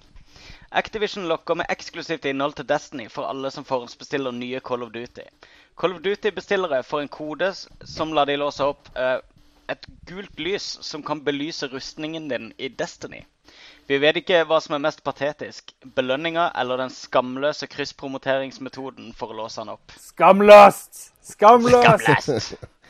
Shameless! Det er jo, det er jo rimelig uh, taskig å f.eks. ha promotering av en bok som krever at du kjøper en annen bok for å få eh, et ekstra kapittel i den boka du vil ha. Jeg fikk jo, uh, Idet du hadde var, spilt én kamp i Heartstone, så får du vel, uh, får du vel en mount i World of Warcraft, gjør du ikke det? Det gjør du for så vidt. Men Heartstone er jo gratis, da, så det Ja. Det er gratis, og det er jo et World of Warcraft-tema. Men, men, men greia her, det har vel ikke blitt gjort før, tror jeg de skrev på Eurogamer, at du får belønning i et spill for å forhåndsbestille et annet spill. Jeg tror det er en sånn der eh, eh, verdensrekord av Activision. Men, men den belønninga er jo så patetisk. Jeg, jeg prøvde å finne ut hva det egentlig er for noe. Det er visst eh, tre sånne fargetemaer som du kan belyse rustninga di Eller sånn shades du kan legge over rustninga di. En gul farge og en sølvfarge og en tredje farge. Og det er jo en, en belønning som er så patetisk i utgangspunktet at eh, Jeg vet ikke. For meg spiller det ikke noen rolle, men det, det setter jo en merkelig presedens, syns jeg. At, at Ja, men det understreker, det understreker jo nøyaktig hvor langt de har gått med det der eh, for eh, preorder-opplegget sitt. Det er jo helt på styr. Jeg Men kan det være at de, at de sliter med forhåndsbestillingen til Call of Duty, siden de plutselig annonserer det her? Eh, Fordi mange sier at. Call of Duty-feberen har gitt seg litt. Det. Ja. Men er det ikke litt rart å, å, eh, å promotere eh, to FPS-spill? Eh, på en måte at du, du skal preordre ett FPS-spill for, for å få noe mer i et annet FPS-spill. Er det ikke to eh, Kannibaliserer det ikke litt grann de to eh, spillene på De er jo ganske forskjellige, de spillene. Men jeg forstår, forstår Jo, men ikke det er- nyheten helt. Magnus, kan du forklare hvordan kjøpesenter Call of Duty er, og hvordan kjøpesenter Destiny er? Nei, her, nå er vi ikke på kjøpesenter lenger. Nå er vi på butikkstørrelse. Men uh, kjøpesenter det er mer når du har en større plan. Men det hadde jo vært mye kulere, meg, om de hadde Der so- sortimentet bestemmes. Hæ? det, det hadde jo vært mye kulere om de hadde krysskobla det her med f.eks. Skylanders. At du kunne få en uh, Skylanders-figur som flyr etter deg i Destiny, hvis du forhåndsbestiller Skylanders. Eh, ja, det kunne de for så vidt gjort. Men eh, da hadde, de, da hadde du ikke fått noe ekstra i uh, I Destiny. I Skylanders, ikke sant? Nei, Hæ? men du får ikke noe ekstra i Call of Nei. Duty Uh, av å Nei, du får Call of Duty. Du får noe ekstra i Destiny hvis du forhåndsbestiller Call of Duty. Å ja, så du mente at uh, hvis du forhåndsbestiller Skylanders, Skylanders, så får du så får du en uh, ja. Skylanders-tema-reward i Destiny. Ja, drit i det. Det er tull. Fremdeles tullete. Det er tull uansett. Forhåndsbestilling er tull. Ja. Tull. Er vi, er vi alle enige om det, Lars? Forhåndsbestilling er tull. Jeg, er jo opposisjon her, men jeg skal si meg enig i det. Jeg skjønner ikke hvorfor jeg skal forhåndsbestille noe lenger når jeg kjøper alt digitalt. Du kan forhåndsbestille digitalt òg. Da får du også koder og sånn. Hva sier du nå? Du kan preordre Destiny digitalt på Xboxen din nå. Ja, men jeg har ikke noe behov for det. Ja, OK, OK, OK. Ny nyhet. Eh, Nytt radioinnhold i GTA 5. Fotomodell og skuespillerinne Cara Delevingne Delevingne, et eller annet sånt, annonserte nylig at hun hadde vært i Rockstar Studio for å spille inn nytt innhold til radiokanalen hennes i GTA 5. Det betyr at høstens relansering av spillet til Xbox One og PS4 antagelig får nytt radioinnhold. Mer prat, nye sanger, dagsaktuelle reklamer. Hvem vet? Ja, hvem vet? Hvem vet, er spørsmålet vårt. Og Cara Delevingne vet sikkert. Jeg så at det var debatt Det- hvordan GTA har best eh, radio, eller best sanger og sånne ting. Jeg syns jo Vice GTA City, 5 var klart. greit. Det var helt greit. Ja, Vice City var best. Det er ingen tvil her. Jeg er ikke enig, men eh, jeg syns San Andreas helt klart hands down. Men det har jo med at eh, jeg hørte yngre, veldig altså. mye på sånn musikk. Ja. Ja, jeg er litt yngre. Jeg husker veldig godt 80-tallsmusikken, jeg også, men jeg har et nærere forhold til 90-tallet. Ja, nei, jeg, jeg husker jeg vant uh, Det her var jo den famøse turen vi snakka om i sted, Magnus, der vi dro til Danmark med KE Ja. Media for GTA 5-lansering.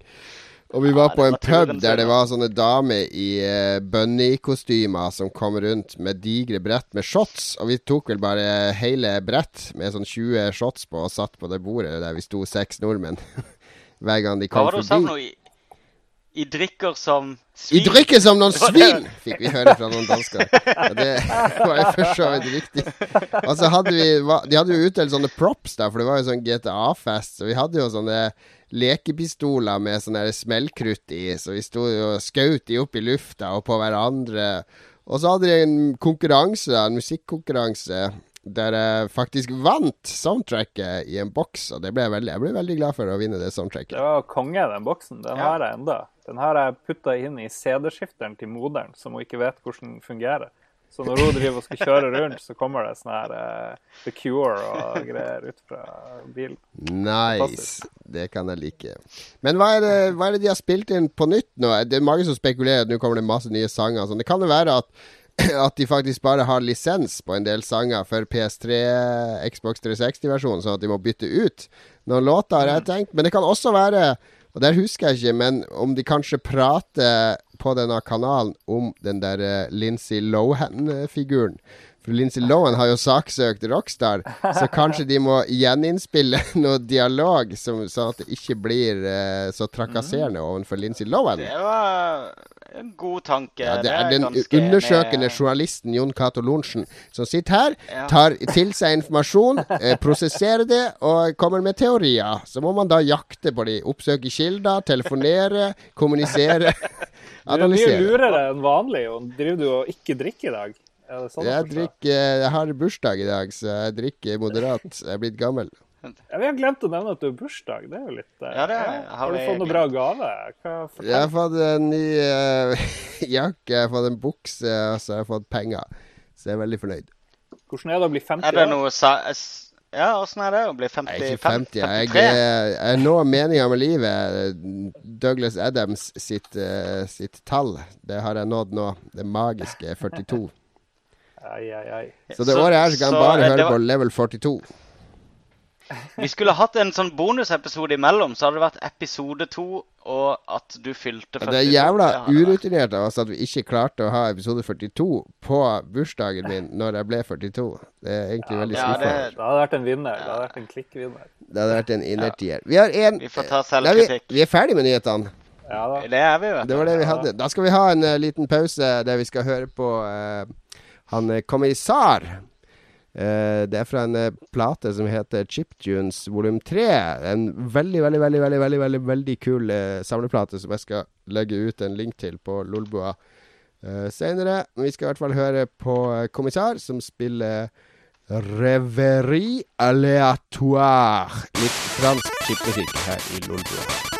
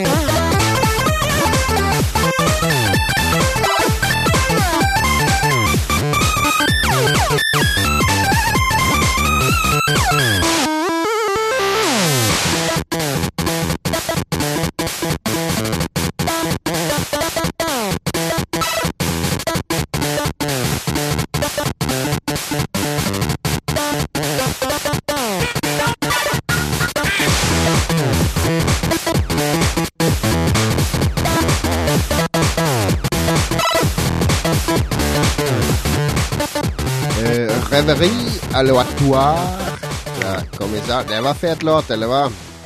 Ja, kunne vært Veldig. i uh, Superheksagon. Ja, nei, men det er uh, Jeg skal legge ut link til den uh, CD-en. Den uh, CD man kan kjøpe på Bandcamp, og man kan betale absolutt hva man vil. Den inneholder 50 nye chiptune-låter fra noen av de beste chiptune-composerne. Jeg hørte på den i dag mens jeg jobba. Veldig, veldig mange fine eh, låter på den. Her er en av de eh, en av de mine favoritter så langt, men en eh, plate jeg skal høre på mye eh, fremover. Så link kommer. Lytterspørsmål. Har vi fått inn noe i dag? Vi, har vel, vi, vi, snakka vel om at vi skulle ha sånn Xbox-tema til lytterne våre, men det har vi spart til neste uke. Men vi har fått litt av hvert av spørsmål allikevel. Ja, vi har fått eh, både det ene og det andre. Um, han eh, Nanirk Han heter vel Krinnan, hvis man leser bakover. Veldig merkelig. Kristian Rinnan. Ja. Det var, han har et bilde vi kan se. Ja. Han lurer på hva de beste emulatorene eh, er til NES, NES, Gameboy, Gameboy Color, Gameboy og Advance er. Har vi noen gode tips til han? Nrkdbr? Um, jeg bruker ikke så mye emulatorer sjøl, men uh, jeg har vel brukt, uh, hvis jeg husker det, SNES 9X og uh, uh, Greia med både NES og Gameboy og Game of Color og Game of Advance er at de har såpass uh, enkel prosessorkraft i utgangspunktet, så de er relativt enkelt å emulere helt nøyaktig. Så jeg tror de fleste emulatorer som finnes det, de fungerer veldig bra. Og det samme med SNES. Så Favoritter det, det er jo Hvis du googler litt, så finner man jo ut hva folk bruker. Det er vel det letteste svaret her. Ja. Jeg kjenner bare til Vin UAE, som er sånn Amiga-emulator til PC og diverse. Ja, nettopp. Det funker jo bra. Men for all del, spill, spill på emulator. Spill de gamle spillene. De fortjener å bli spilt på nytt. Ikke vent på at de skal gis ut i nye versjoner på PS4 og Xbox One. Ja. okay. For 599 med 60 frames per second. Shots fired. Han, han Eirik Hofsøy lurer på hva våre eh, spillmusikkfavoritter fra 8-bits-æraen er. Og det er jo et spørsmål vi liker. Det, er Det liker vi. jo, eh, crazy omfattende. Mm, ja Vi kommer jo hadde fra- mest, eh, Ja, hadde jo mest Commodore 64 og sånt. Det er jo Ja, samme her. eh, greia vår.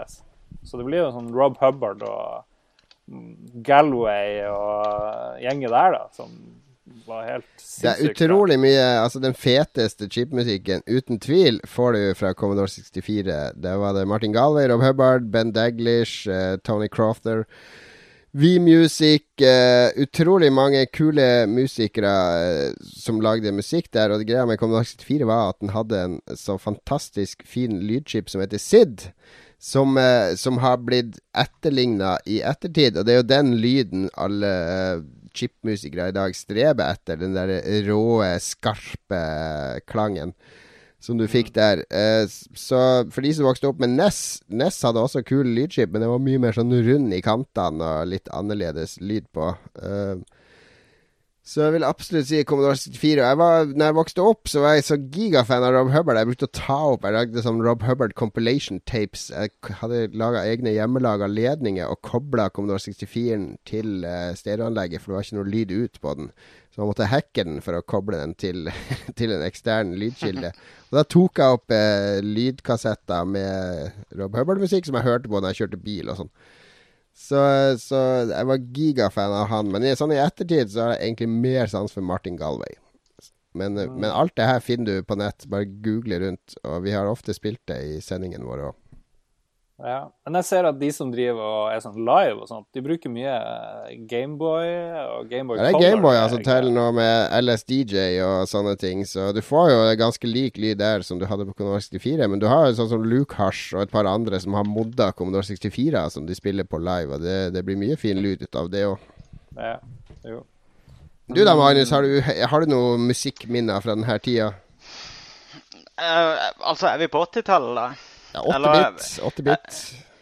Ja, men eh, eh, jeg husker eh, Jeg var ikke så opptatt av, av de der gamle shoot... Jeg var ikke så opptatt av musikken i de der gamle shooterspillene og sånne ting på den tida. Men de aller første adventure-spillene må vel sies å bruke 8-bits-musikk, må de ikke det?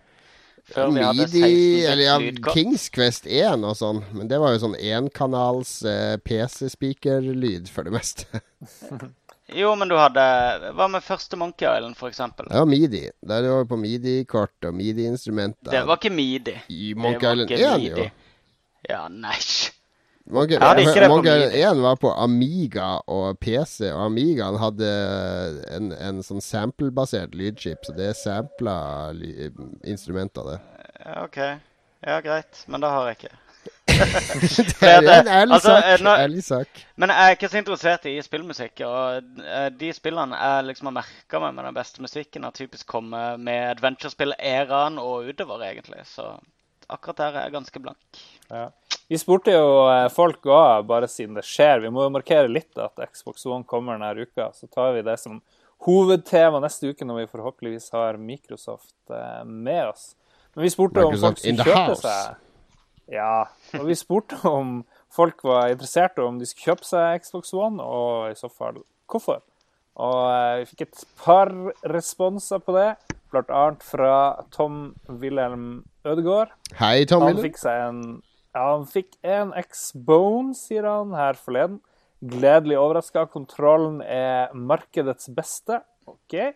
Og merka at han hadde savna det sosiale nettverket Xbox Live er versus PlayStation Network, selv om PlayStation Network har blitt sykt mye bedre enn det var tidligere. Ja, men jeg, forstår, jeg har spilt mye Xbox eh, One eh, de siste to ukene fordi jeg har laga en del sånne saker med anmeldelser og, og ditt og datt av lanseringsspill. Eh, så jeg merker at det OS jeg har blitt mye mer vant til nå, da, for jeg hata det jo før, da. Så jeg klarer jo å finne fram ganske Oi. greit. Er det sant? Faktisk, faktisk. Og den butikken er faktisk bedre enn PSN Store. Det skal den ha. Skal ikke så mye til. Skal ikke Jeg har til og med brukt noen stemmekommando. Jeg gleder meg sånn at jeg skal opp etterpå og skifte til norsk. Tenk om det er norsk stemmekommando òg! Nei, det kan det ikke være. Oi, det blir gøy. Det blir gøy. Ja, Det nei, jeg, jeg, jeg ser den, eh, Tom Wilhelm. Og eh, jeg liker jo også Xbox Live i utgangspunktet bedre, selv om det tar, Jeg syns det fortsatt går litt tregt. Han må drive og laste inn venner, han må drive og laste inn achievements og sånne ting. Jeg syns det var mye raskere før. Det savner jeg. Jeg har jo vært litt tilbake på Xbox 360 i sommer, og eh, jeg, jeg tenkte også det da jeg var på Xbox One, at jeg, jeg syntes det var kleint det der med å loade achievements og sånn. Uh, men det gikk egentlig, i hvert fall på min 360, så går det egentlig ganske treigt uansett. Han, han, det er veldig mye, det er veldig sånn sluggish uh, menyer, rett og slett, som en ikke tenker over. Ja, det er det. Uh, Det er sånn Men, at tenk, jo- Hvis du hadde vært sånn på PC, så hadde jeg tenkt hm, jeg, kanskje jeg må kjøpe mer RAM. ja, nettopp. Eh, nå har de jo innført en, uh, en sånn greie på Xbox One hvor du kan snappe achievementsene. Har du sett det? Uh, der du kan få de opp på ei egen meny på sida mens du sitter og spiller. Oh, Herregud, det, det, det er det, sånn er jo en funksjon for deg og Jimmy. Det er jo ikke Ja, ja. Nei, jeg syns det, er en- synes det er en litt kul funksjon. Eh, og de, de skal jo implementere nå en mulighet for å da trykke på disse achievementsene og kunne se videoer av folk som har tatt de achievementsene som er henta fra nettet. Aldri Hvis det kommer en funksjon for å snappe de her lika nakenbildene av Hollywood-kjendiser, da snakker vi. Du kan jo i teorien det, da, med å snappe Windows Ja vel, du har forsøkt allerede? Ja, spesielt når jeg sier 'i teorien', så, så er det jo erfaringsbasert. Ja, Det, det, nå er det rett opp. Bing uh, leaked Hollywood uh, nude pics. Snap. vår, Snap eh, Jennifer Lawrence. The fappening. It's happening. Skal vi se. Vår gode venn, vår gode venn Tommy Wilhelmsen har bestilling inne på Xbox One. Og hovedgrunnen for kjøpet er Forsa. Jeg vet at han er stor bilspillfan. Og ikke minst Halo. Eh, De her spillene har fulgt han siden første Xbox. Og til slutt vil han si Just leave me alone, I know what I'm doing. Og det er kun vi som er Vi som er Kimi Raikonen-fan, vet uh, veldig godt hva det uh, vil si. Han er en av de som var med på tur til uh, sist i Ungarn, på Formel 1-tur. Godeste Tommy Williams. Yeah. Stor Xbox-fan. Han nekta å kjøpe PS-ting, selv om han måtte vente nesten et helt år på å få seg neste generasjons greier. Jeg skjønner ikke de som gidder å vente. Jeg klarer ikke helt å sette meg inn i Vente det. på Next, next gen. Sitter og venter på next gen. Sitter og knuger på sin gamle Xbox 360. Er det mange som uh, gjorde nei, det? men Ikke alle som har det så travelt, da. Men, eh, men han, han eh, Mitt problem med Forsa det er jo at hver gang jeg spiller det, og spesielt den nye, for der har de noen sånne baner de har laga sjøl. Og de minner meg veldig om Project Gotham Racing. Jeg savner Project Gotham Racing skikkelig. Toeren, treeren og fireren der var superkule. Du savner, du savner egentlig Ridge Racer, det er det du sier? Ja, Det savner jeg enda mer. Jeg savner Fordi greia med Du har vært på Formel 1, ikke sant? Det er kult Ja. å se live og sånn, men greia med alle de banene, eh, Silverstone og Monza og sånn, er at de ser jo dritt kjedelige ut. Det er gress, tribuner, reklameplakater og et par trær. Og det er helt flatt. Det er Ja, men- så kjedelig ja. å se på. Mens, mens Ridge Race Jeg vil kjøre bak fossen og se det helikopteret når du kommer ut av tunnelen som er rett foran deg, og tunneler som slipper sollyset inn gjennom sånne glipper så det over frontruta. Jeg vil at det skal se spektakulært og kult og fantasifullt ut. Ikke disse kjedelige, traurige banene. Det kun sjikaner og en og annen reklameplakat. Gi meg Det er for lite. Det er for lite Pacman-reklame på Formel 1, med andre ord. Jeg, vil at bilspillene mine skal være som bilreklamene, ikke som eh, sånn som det faktisk er når jeg kjører bil til Drammen for å dra i Drammensbadet med ungene. Jeg vil at det skal være som i reklamene, der alt er sexy og kjapt og enkelt og strigla. Jo da. Nei, jeg savner òg Ridge Racer veldig. Hvor du har veldig få biler, men stor variasjon på nesten samme banen. Og så utvikler du kanskje bilen bitte litt eh, etter hvert. Drit i å gi meg 500 biler som er liksom De har brukt to år på å lage interiøret til Men alle det, de bilene. ja, det er òg en greie med Forsa Forza 5, er at det er jo mye færre biler og færre baner enn i Forza 4. Det er sånn hastverksarbeid, så de har bare slengt inn det de rakk å få med. Jeg tror det er dobbelt så mange baner i Forza 4, f.eks. Det blir DLC. Du kan nok kjøpe det. Vi får se, vi får se. Men det var alt vi hadde av lyttespørsmål. Ja, det var en litt tynn eh, uke på lytterspørsmål. Jeg er skuffa over alle våre Vi reng, og, og vet du lyttere. hva? Det er første gang han Heigel ikke har sendt inn spørsmål. Ja, jeg, etterlyste det sjøl her.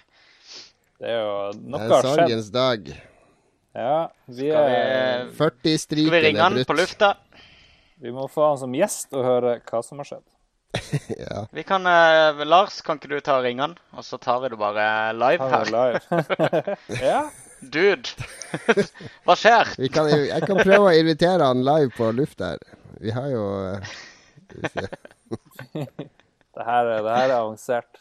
Det her er Skal vi se. Det her går Hva var Jeg må finne hva gmailen hans var. Ja, hvis, han, hvis han sitter og følger med live, så driver han og logger av nå i panikk, for han vil ikke ha skammen eh, hengende over seg. Ja, litt sånn lang, tom pause, det gjør seg veldig bra på, på Da må dere holde praten i gang. Nå må vi vise Ja, at vi er ja, blitt proffe. Vi har proff hjemmeside, vi har eh, proft program, vi har uh... Jo, vi kan jo si at på hjemmesida vår på lolbua.no så har vi jo begynt med en ny spalte hvor vi sier hva som er nye releaser denne uka. Um, det er mulig vi ikke har fått med oss absolutt alt, men vi har nå tatt med det vi syns er viktig å nevne. Sånn som Train Fever og andre storspill. Små og storspill. Velocity X2, for eksempel, som jo mener kan bli et av årets ti beste spill. Det blir jo litt spennende. 2X, takk, heter det. 2X. Det betyr at det må gå dobbelt så fort, så blir det veldig vanskelig å spille det.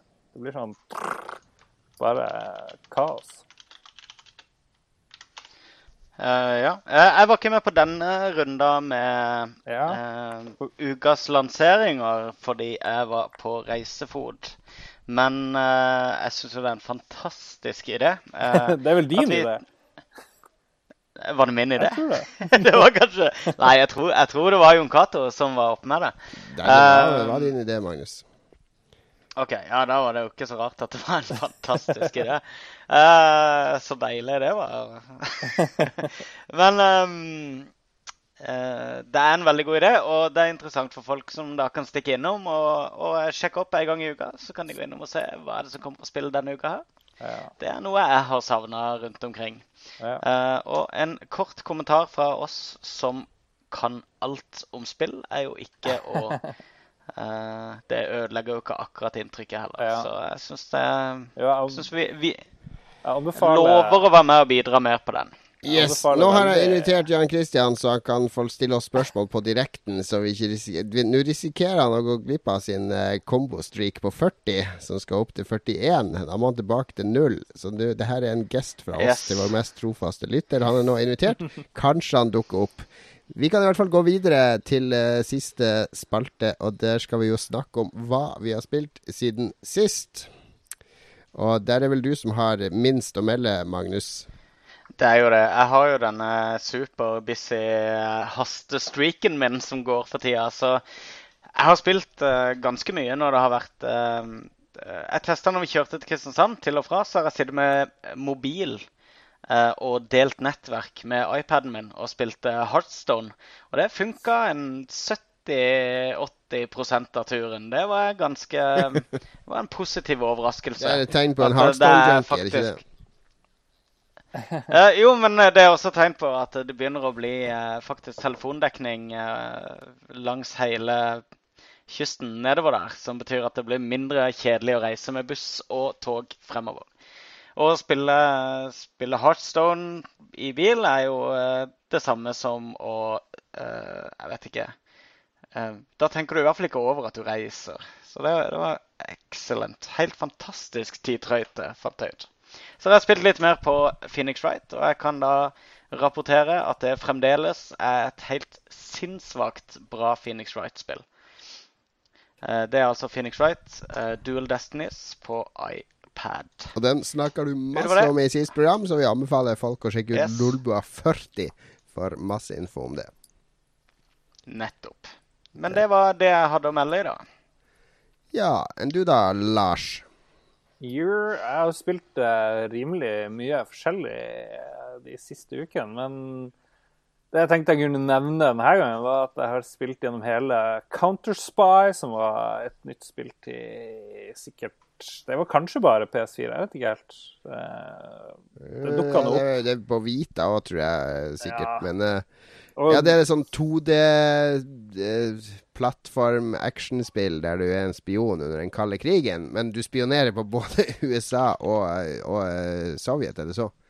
Ja, og det, det ligner litt på et sånt Metroid-Vania-spill, bortsett fra at det låser seg ikke opp så veldig mye nye områder. Det er vel eh, litt sånn rogelike i og med at alle brettene blir nye for hver gang du Ja, spiller. nettopp. Det er randomgenererte brett. Ja, Så du er den der spion, og så begynner du helt til venstre på skjermen, og så skal du komme deg helt til høyre. og Så er det en seks-syv rom du skal gjennom med ulik mengde eh, sånne agenter. Og Det som er litt gøy, det er at den der organisasjonen du er med i, den spionerer på både russerne og sovjeterne under den kalde krigen. Og de har sånn crazy Ja, de har sånn crazy plan om å bombe månen av en eller annen grunn. Og det er jo liksom starte tredje verdenskrig, så man må, man må forhindre det. Og eh, kort fortalt så er spillet ganske ræva. Det begynner ganske bra, men så blir det bare ganske trasig etter hvert. Fordi man ser at det er randomlagde brett. Fordi fiendetallet og forhindringen du møter, er totalt eh, forskjellig. Og noen ganger så kan du ikke skyte på dem fordi det står som et tilfeldig objekt i veien. Eller som det der interfacet plutselig foran der du skal sikte og sånne ting. Så det ble bare mer og mer frustrerende. Og det er jo litt synd, fordi grafikken og presentasjonen er veldig bra, og musikken er også veldig kul. Det er som å se en sånn reklameplakat fra 50-tallet. Liksom, Ja, det er en kul stil. Jeg prøvde det så vidt. Men sånn rogue-greier, det er eh, ganske vanskelig å få til eh, veldig bra ofte.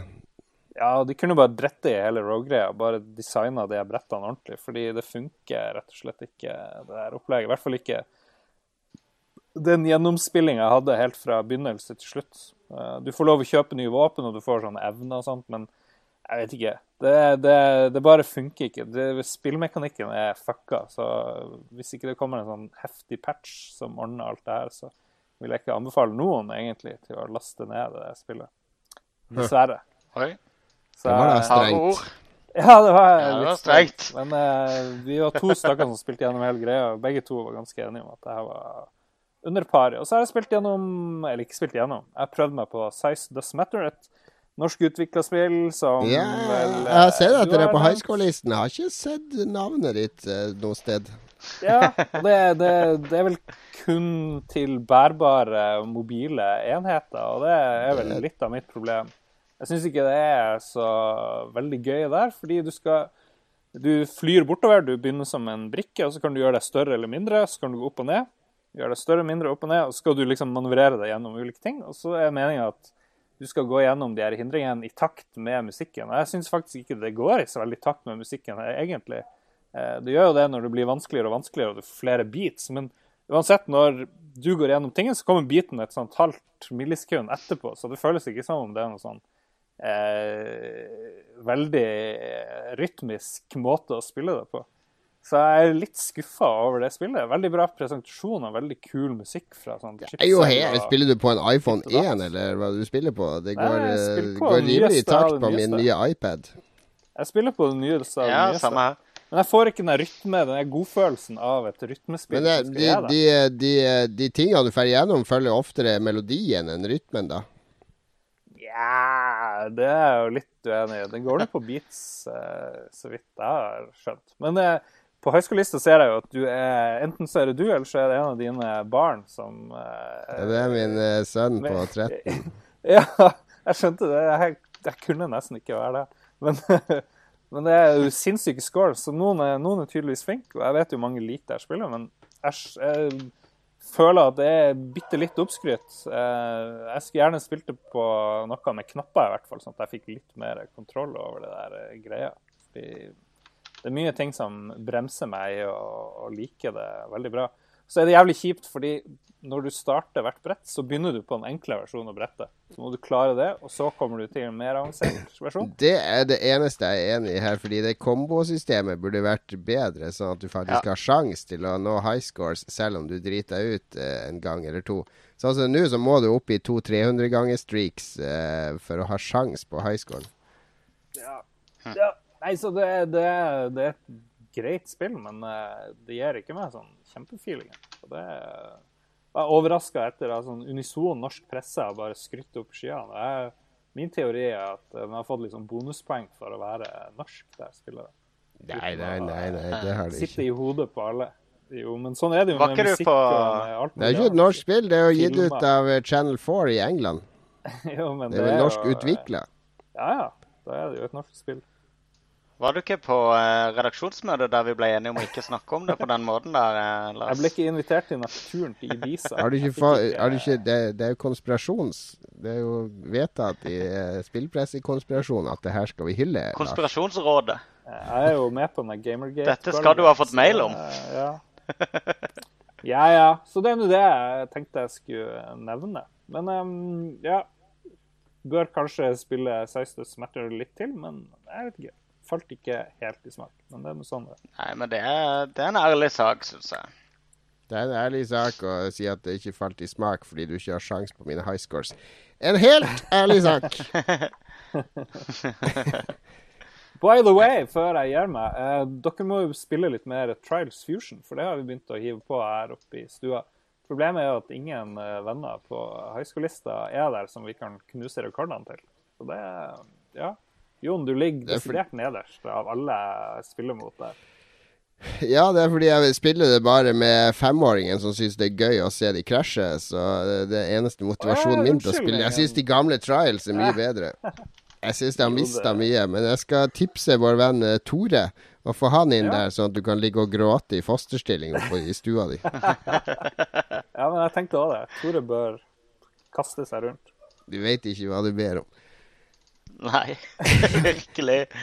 La meg snakke om hva jeg har spilt. Jeg har nemlig kasta meg på Desert Golf-bølgen på, eh, på iPhone. Eh, det er store Store, store Det er en sånn liten snakkis eh, på Twitter blant enkelte trendsettere. Blant annet vår tidligere gjest Thomas Heger. Han er på Desert Golf-kjøret. Og jeg så også Jonathan Blow tvitra Desert Golf-screenshot i dag. Han er på hull nummer 700 eller noe sånt. Det er et sånn 2D-golfspill. Eh, utrolig enkel grafikk. Sånn Atari eh, eh, 2600-grafikk, nesten. Der du har en ball til venstre, og så er det litt sånn eh, landskap med Også sånn utrolig enkelt landskap. Og et hull til høyre. Så skal du, akkurat som i Angry Birds, så skal du dra fingeren på skjermen bakover, og så kommer det en sånn hvit pil, og jo lengre pila er, jo kraftigere skyter du, og så stiller du vinkel, og så bare prøver du å skyte den i hullet. Og når du har truffet hullet, så scroller skjermen bort til venstre, og så går ballen opp av hullet, og så er det et nytt hull. Og så bare fortsetter du. Det er aldri tilbake til start, det er aldri game over, det er aldri noe quit. Er bare spille tre-fire hull mens jeg venter på at uh, en eller annen fil skal lastes inn i Final Cut og rendres.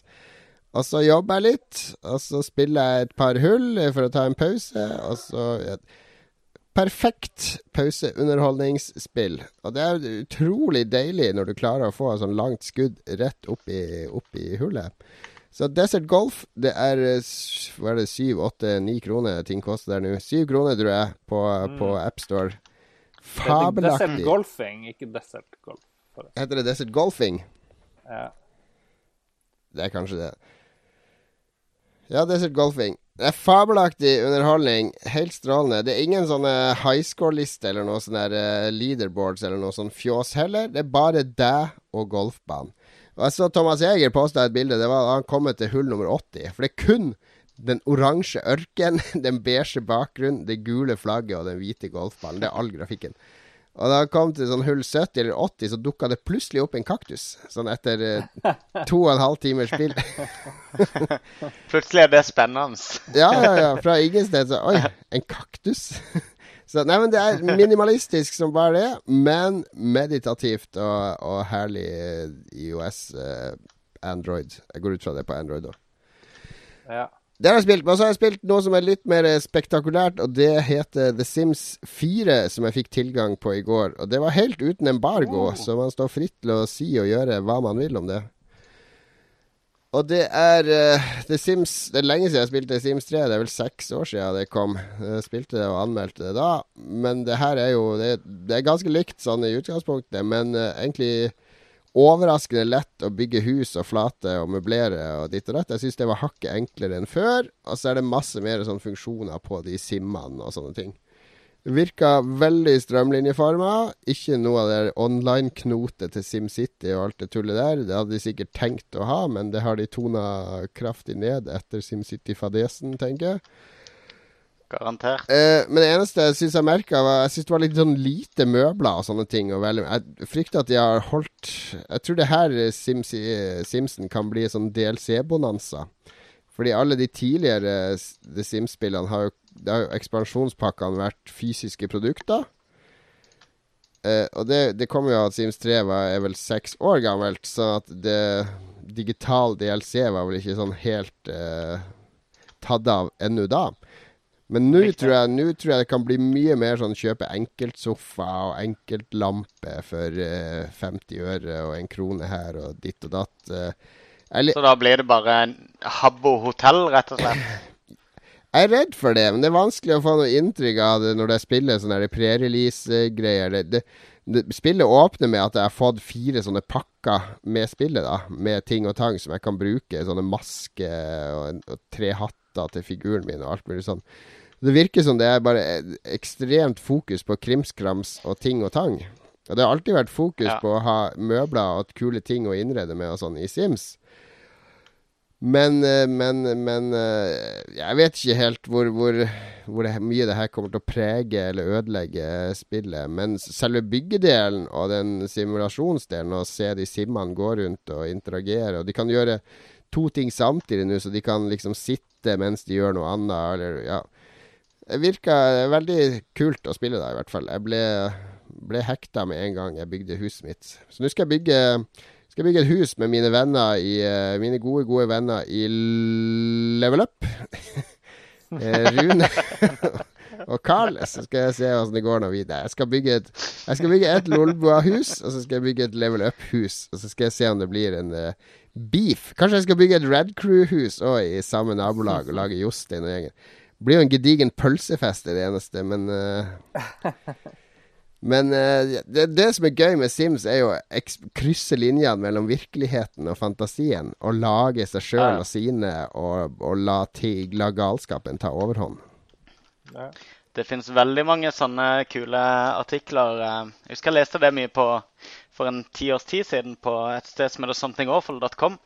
Der eh, satte de sammen eh, Der eksperimenterte de veldig mye med sånn teite sammensetninger av, av folk som absolutt ikke kom til å gå sammen. Og, Ja, ja. Så lagde de et hus, og så, de, så dokumenterte de alt som skjedde. Og det var hysterisk morsomt. Men det er ganske, det er ganske drøye sånne her, eh, attributes og traits og sånn du kan gi de simmene. Du kan gi sånn her 'hater barn' og sånn. Og så kan du jo sette, sette de inn i et hus med bare barn og Ja. De kommer antagelig ikke til å sparke de eller uh, drepe de, men, men uh, det er det er mye morsomme ting man kan lage med det. Så nei, jeg har satt av eh, Eh, I morgen så skal jeg gjøre to ting. Jeg skal legge ut en sak på Gamer, og så skal jeg fikse podkasten vår og legge ut. Og så skal jeg spille Sims hele dagen. Så jeg gleder meg Eh, stort til i morgen.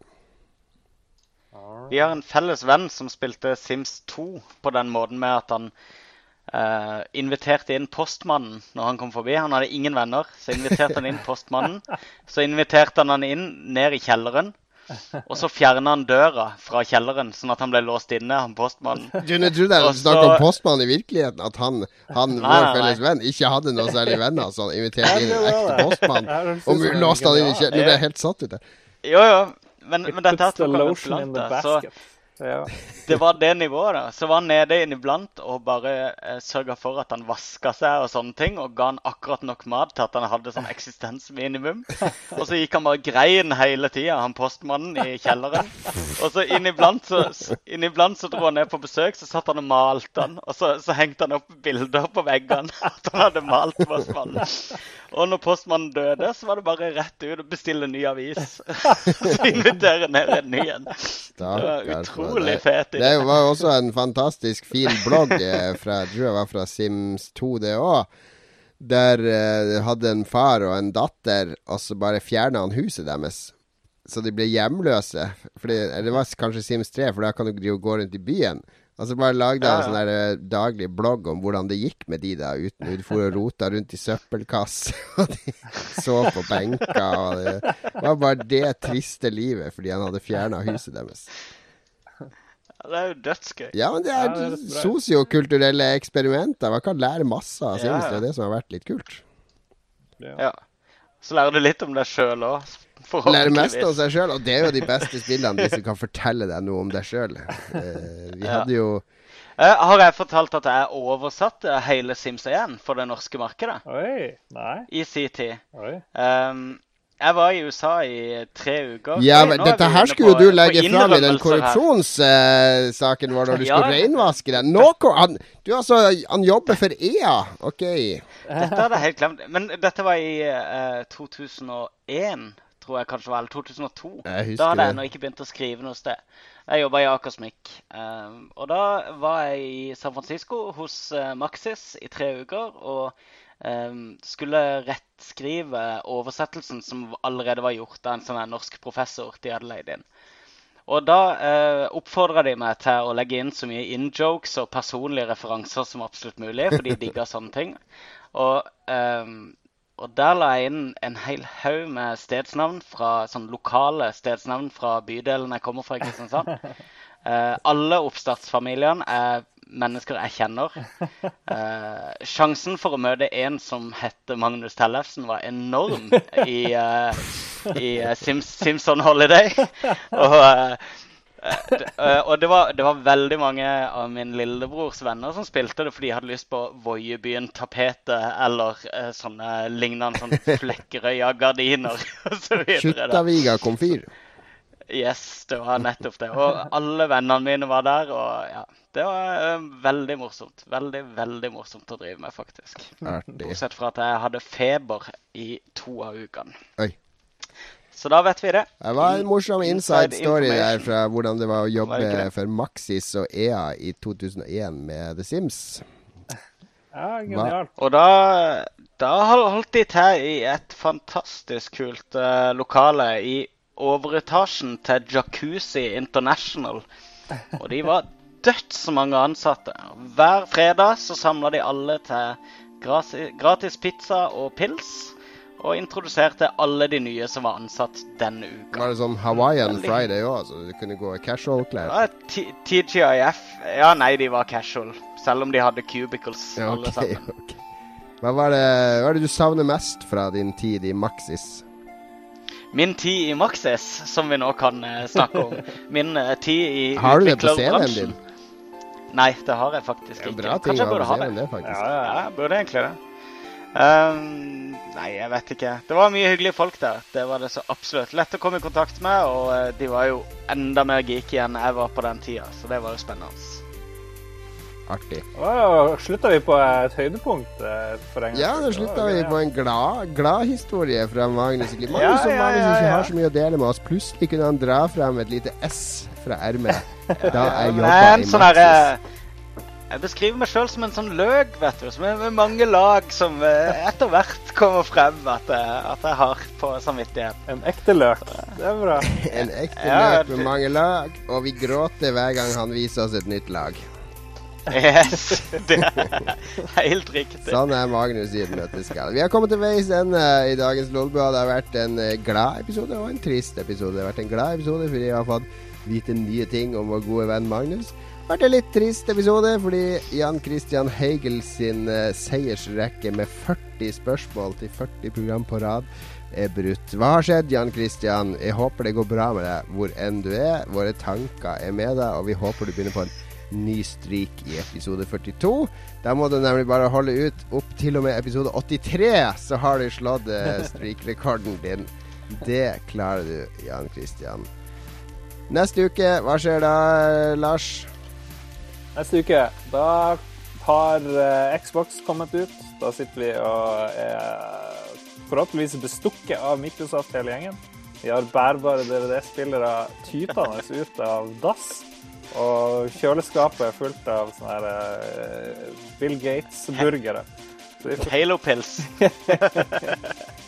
Vi håper at vi får en gjest fra Microsoft med neste gang, så vi kan snakke litt om Xbox One, eh, Xbox One-høsten og Xbox One-planene fremover. Ellers så blir det vel antagelig å prate litt om Destiny òg neste uke. Eh, Det kommer vel på tirsdag neste uke. Vi får se når vi får det. Håp, forhåpentligvis litt før. Men eh, det blir nok eh, en uke i Destinys og Xbox eh, sitt navn. Skjer det noe på lolboa.no fremover? Ja, det må det gjøre. Når skal vi vår første Let's Play etter lansering av sida? Hvem blir den første til å lage det? Jeg har tenkt å lage noe på torsdag, så vi får Jeg skal ikke spoile noe mer enn det. Vi får se hva det blir. Følg i hvert fall med lolbua.no. Det er din nye, din nye førstestopp for spillvås. Eh, ikke, du, du kan gå andre steder for å finne spillnyheter og sånne ting. Vi skriver Ja. bare om akkurat det som vi syns er kult der og da, og som vi har tid til. Følg oss på Twitter at lolbua. Facebook lolbua2000. Har jeg glemt noe da? Magnus? Lars? Lolbua.no, Eh, nei. Fleksnes, Magnus Tellefsen, Lars Rolsen. Eh, følg kan alt eh, det Rad Crew, våre venner som har kjøpt Ja, Vi har ikke nevnt Rad Crew denne sendinga. Herregud, nå fikk vi nesten bot. Eh, gå på Og det er enda en ting vi ikke har nevnt.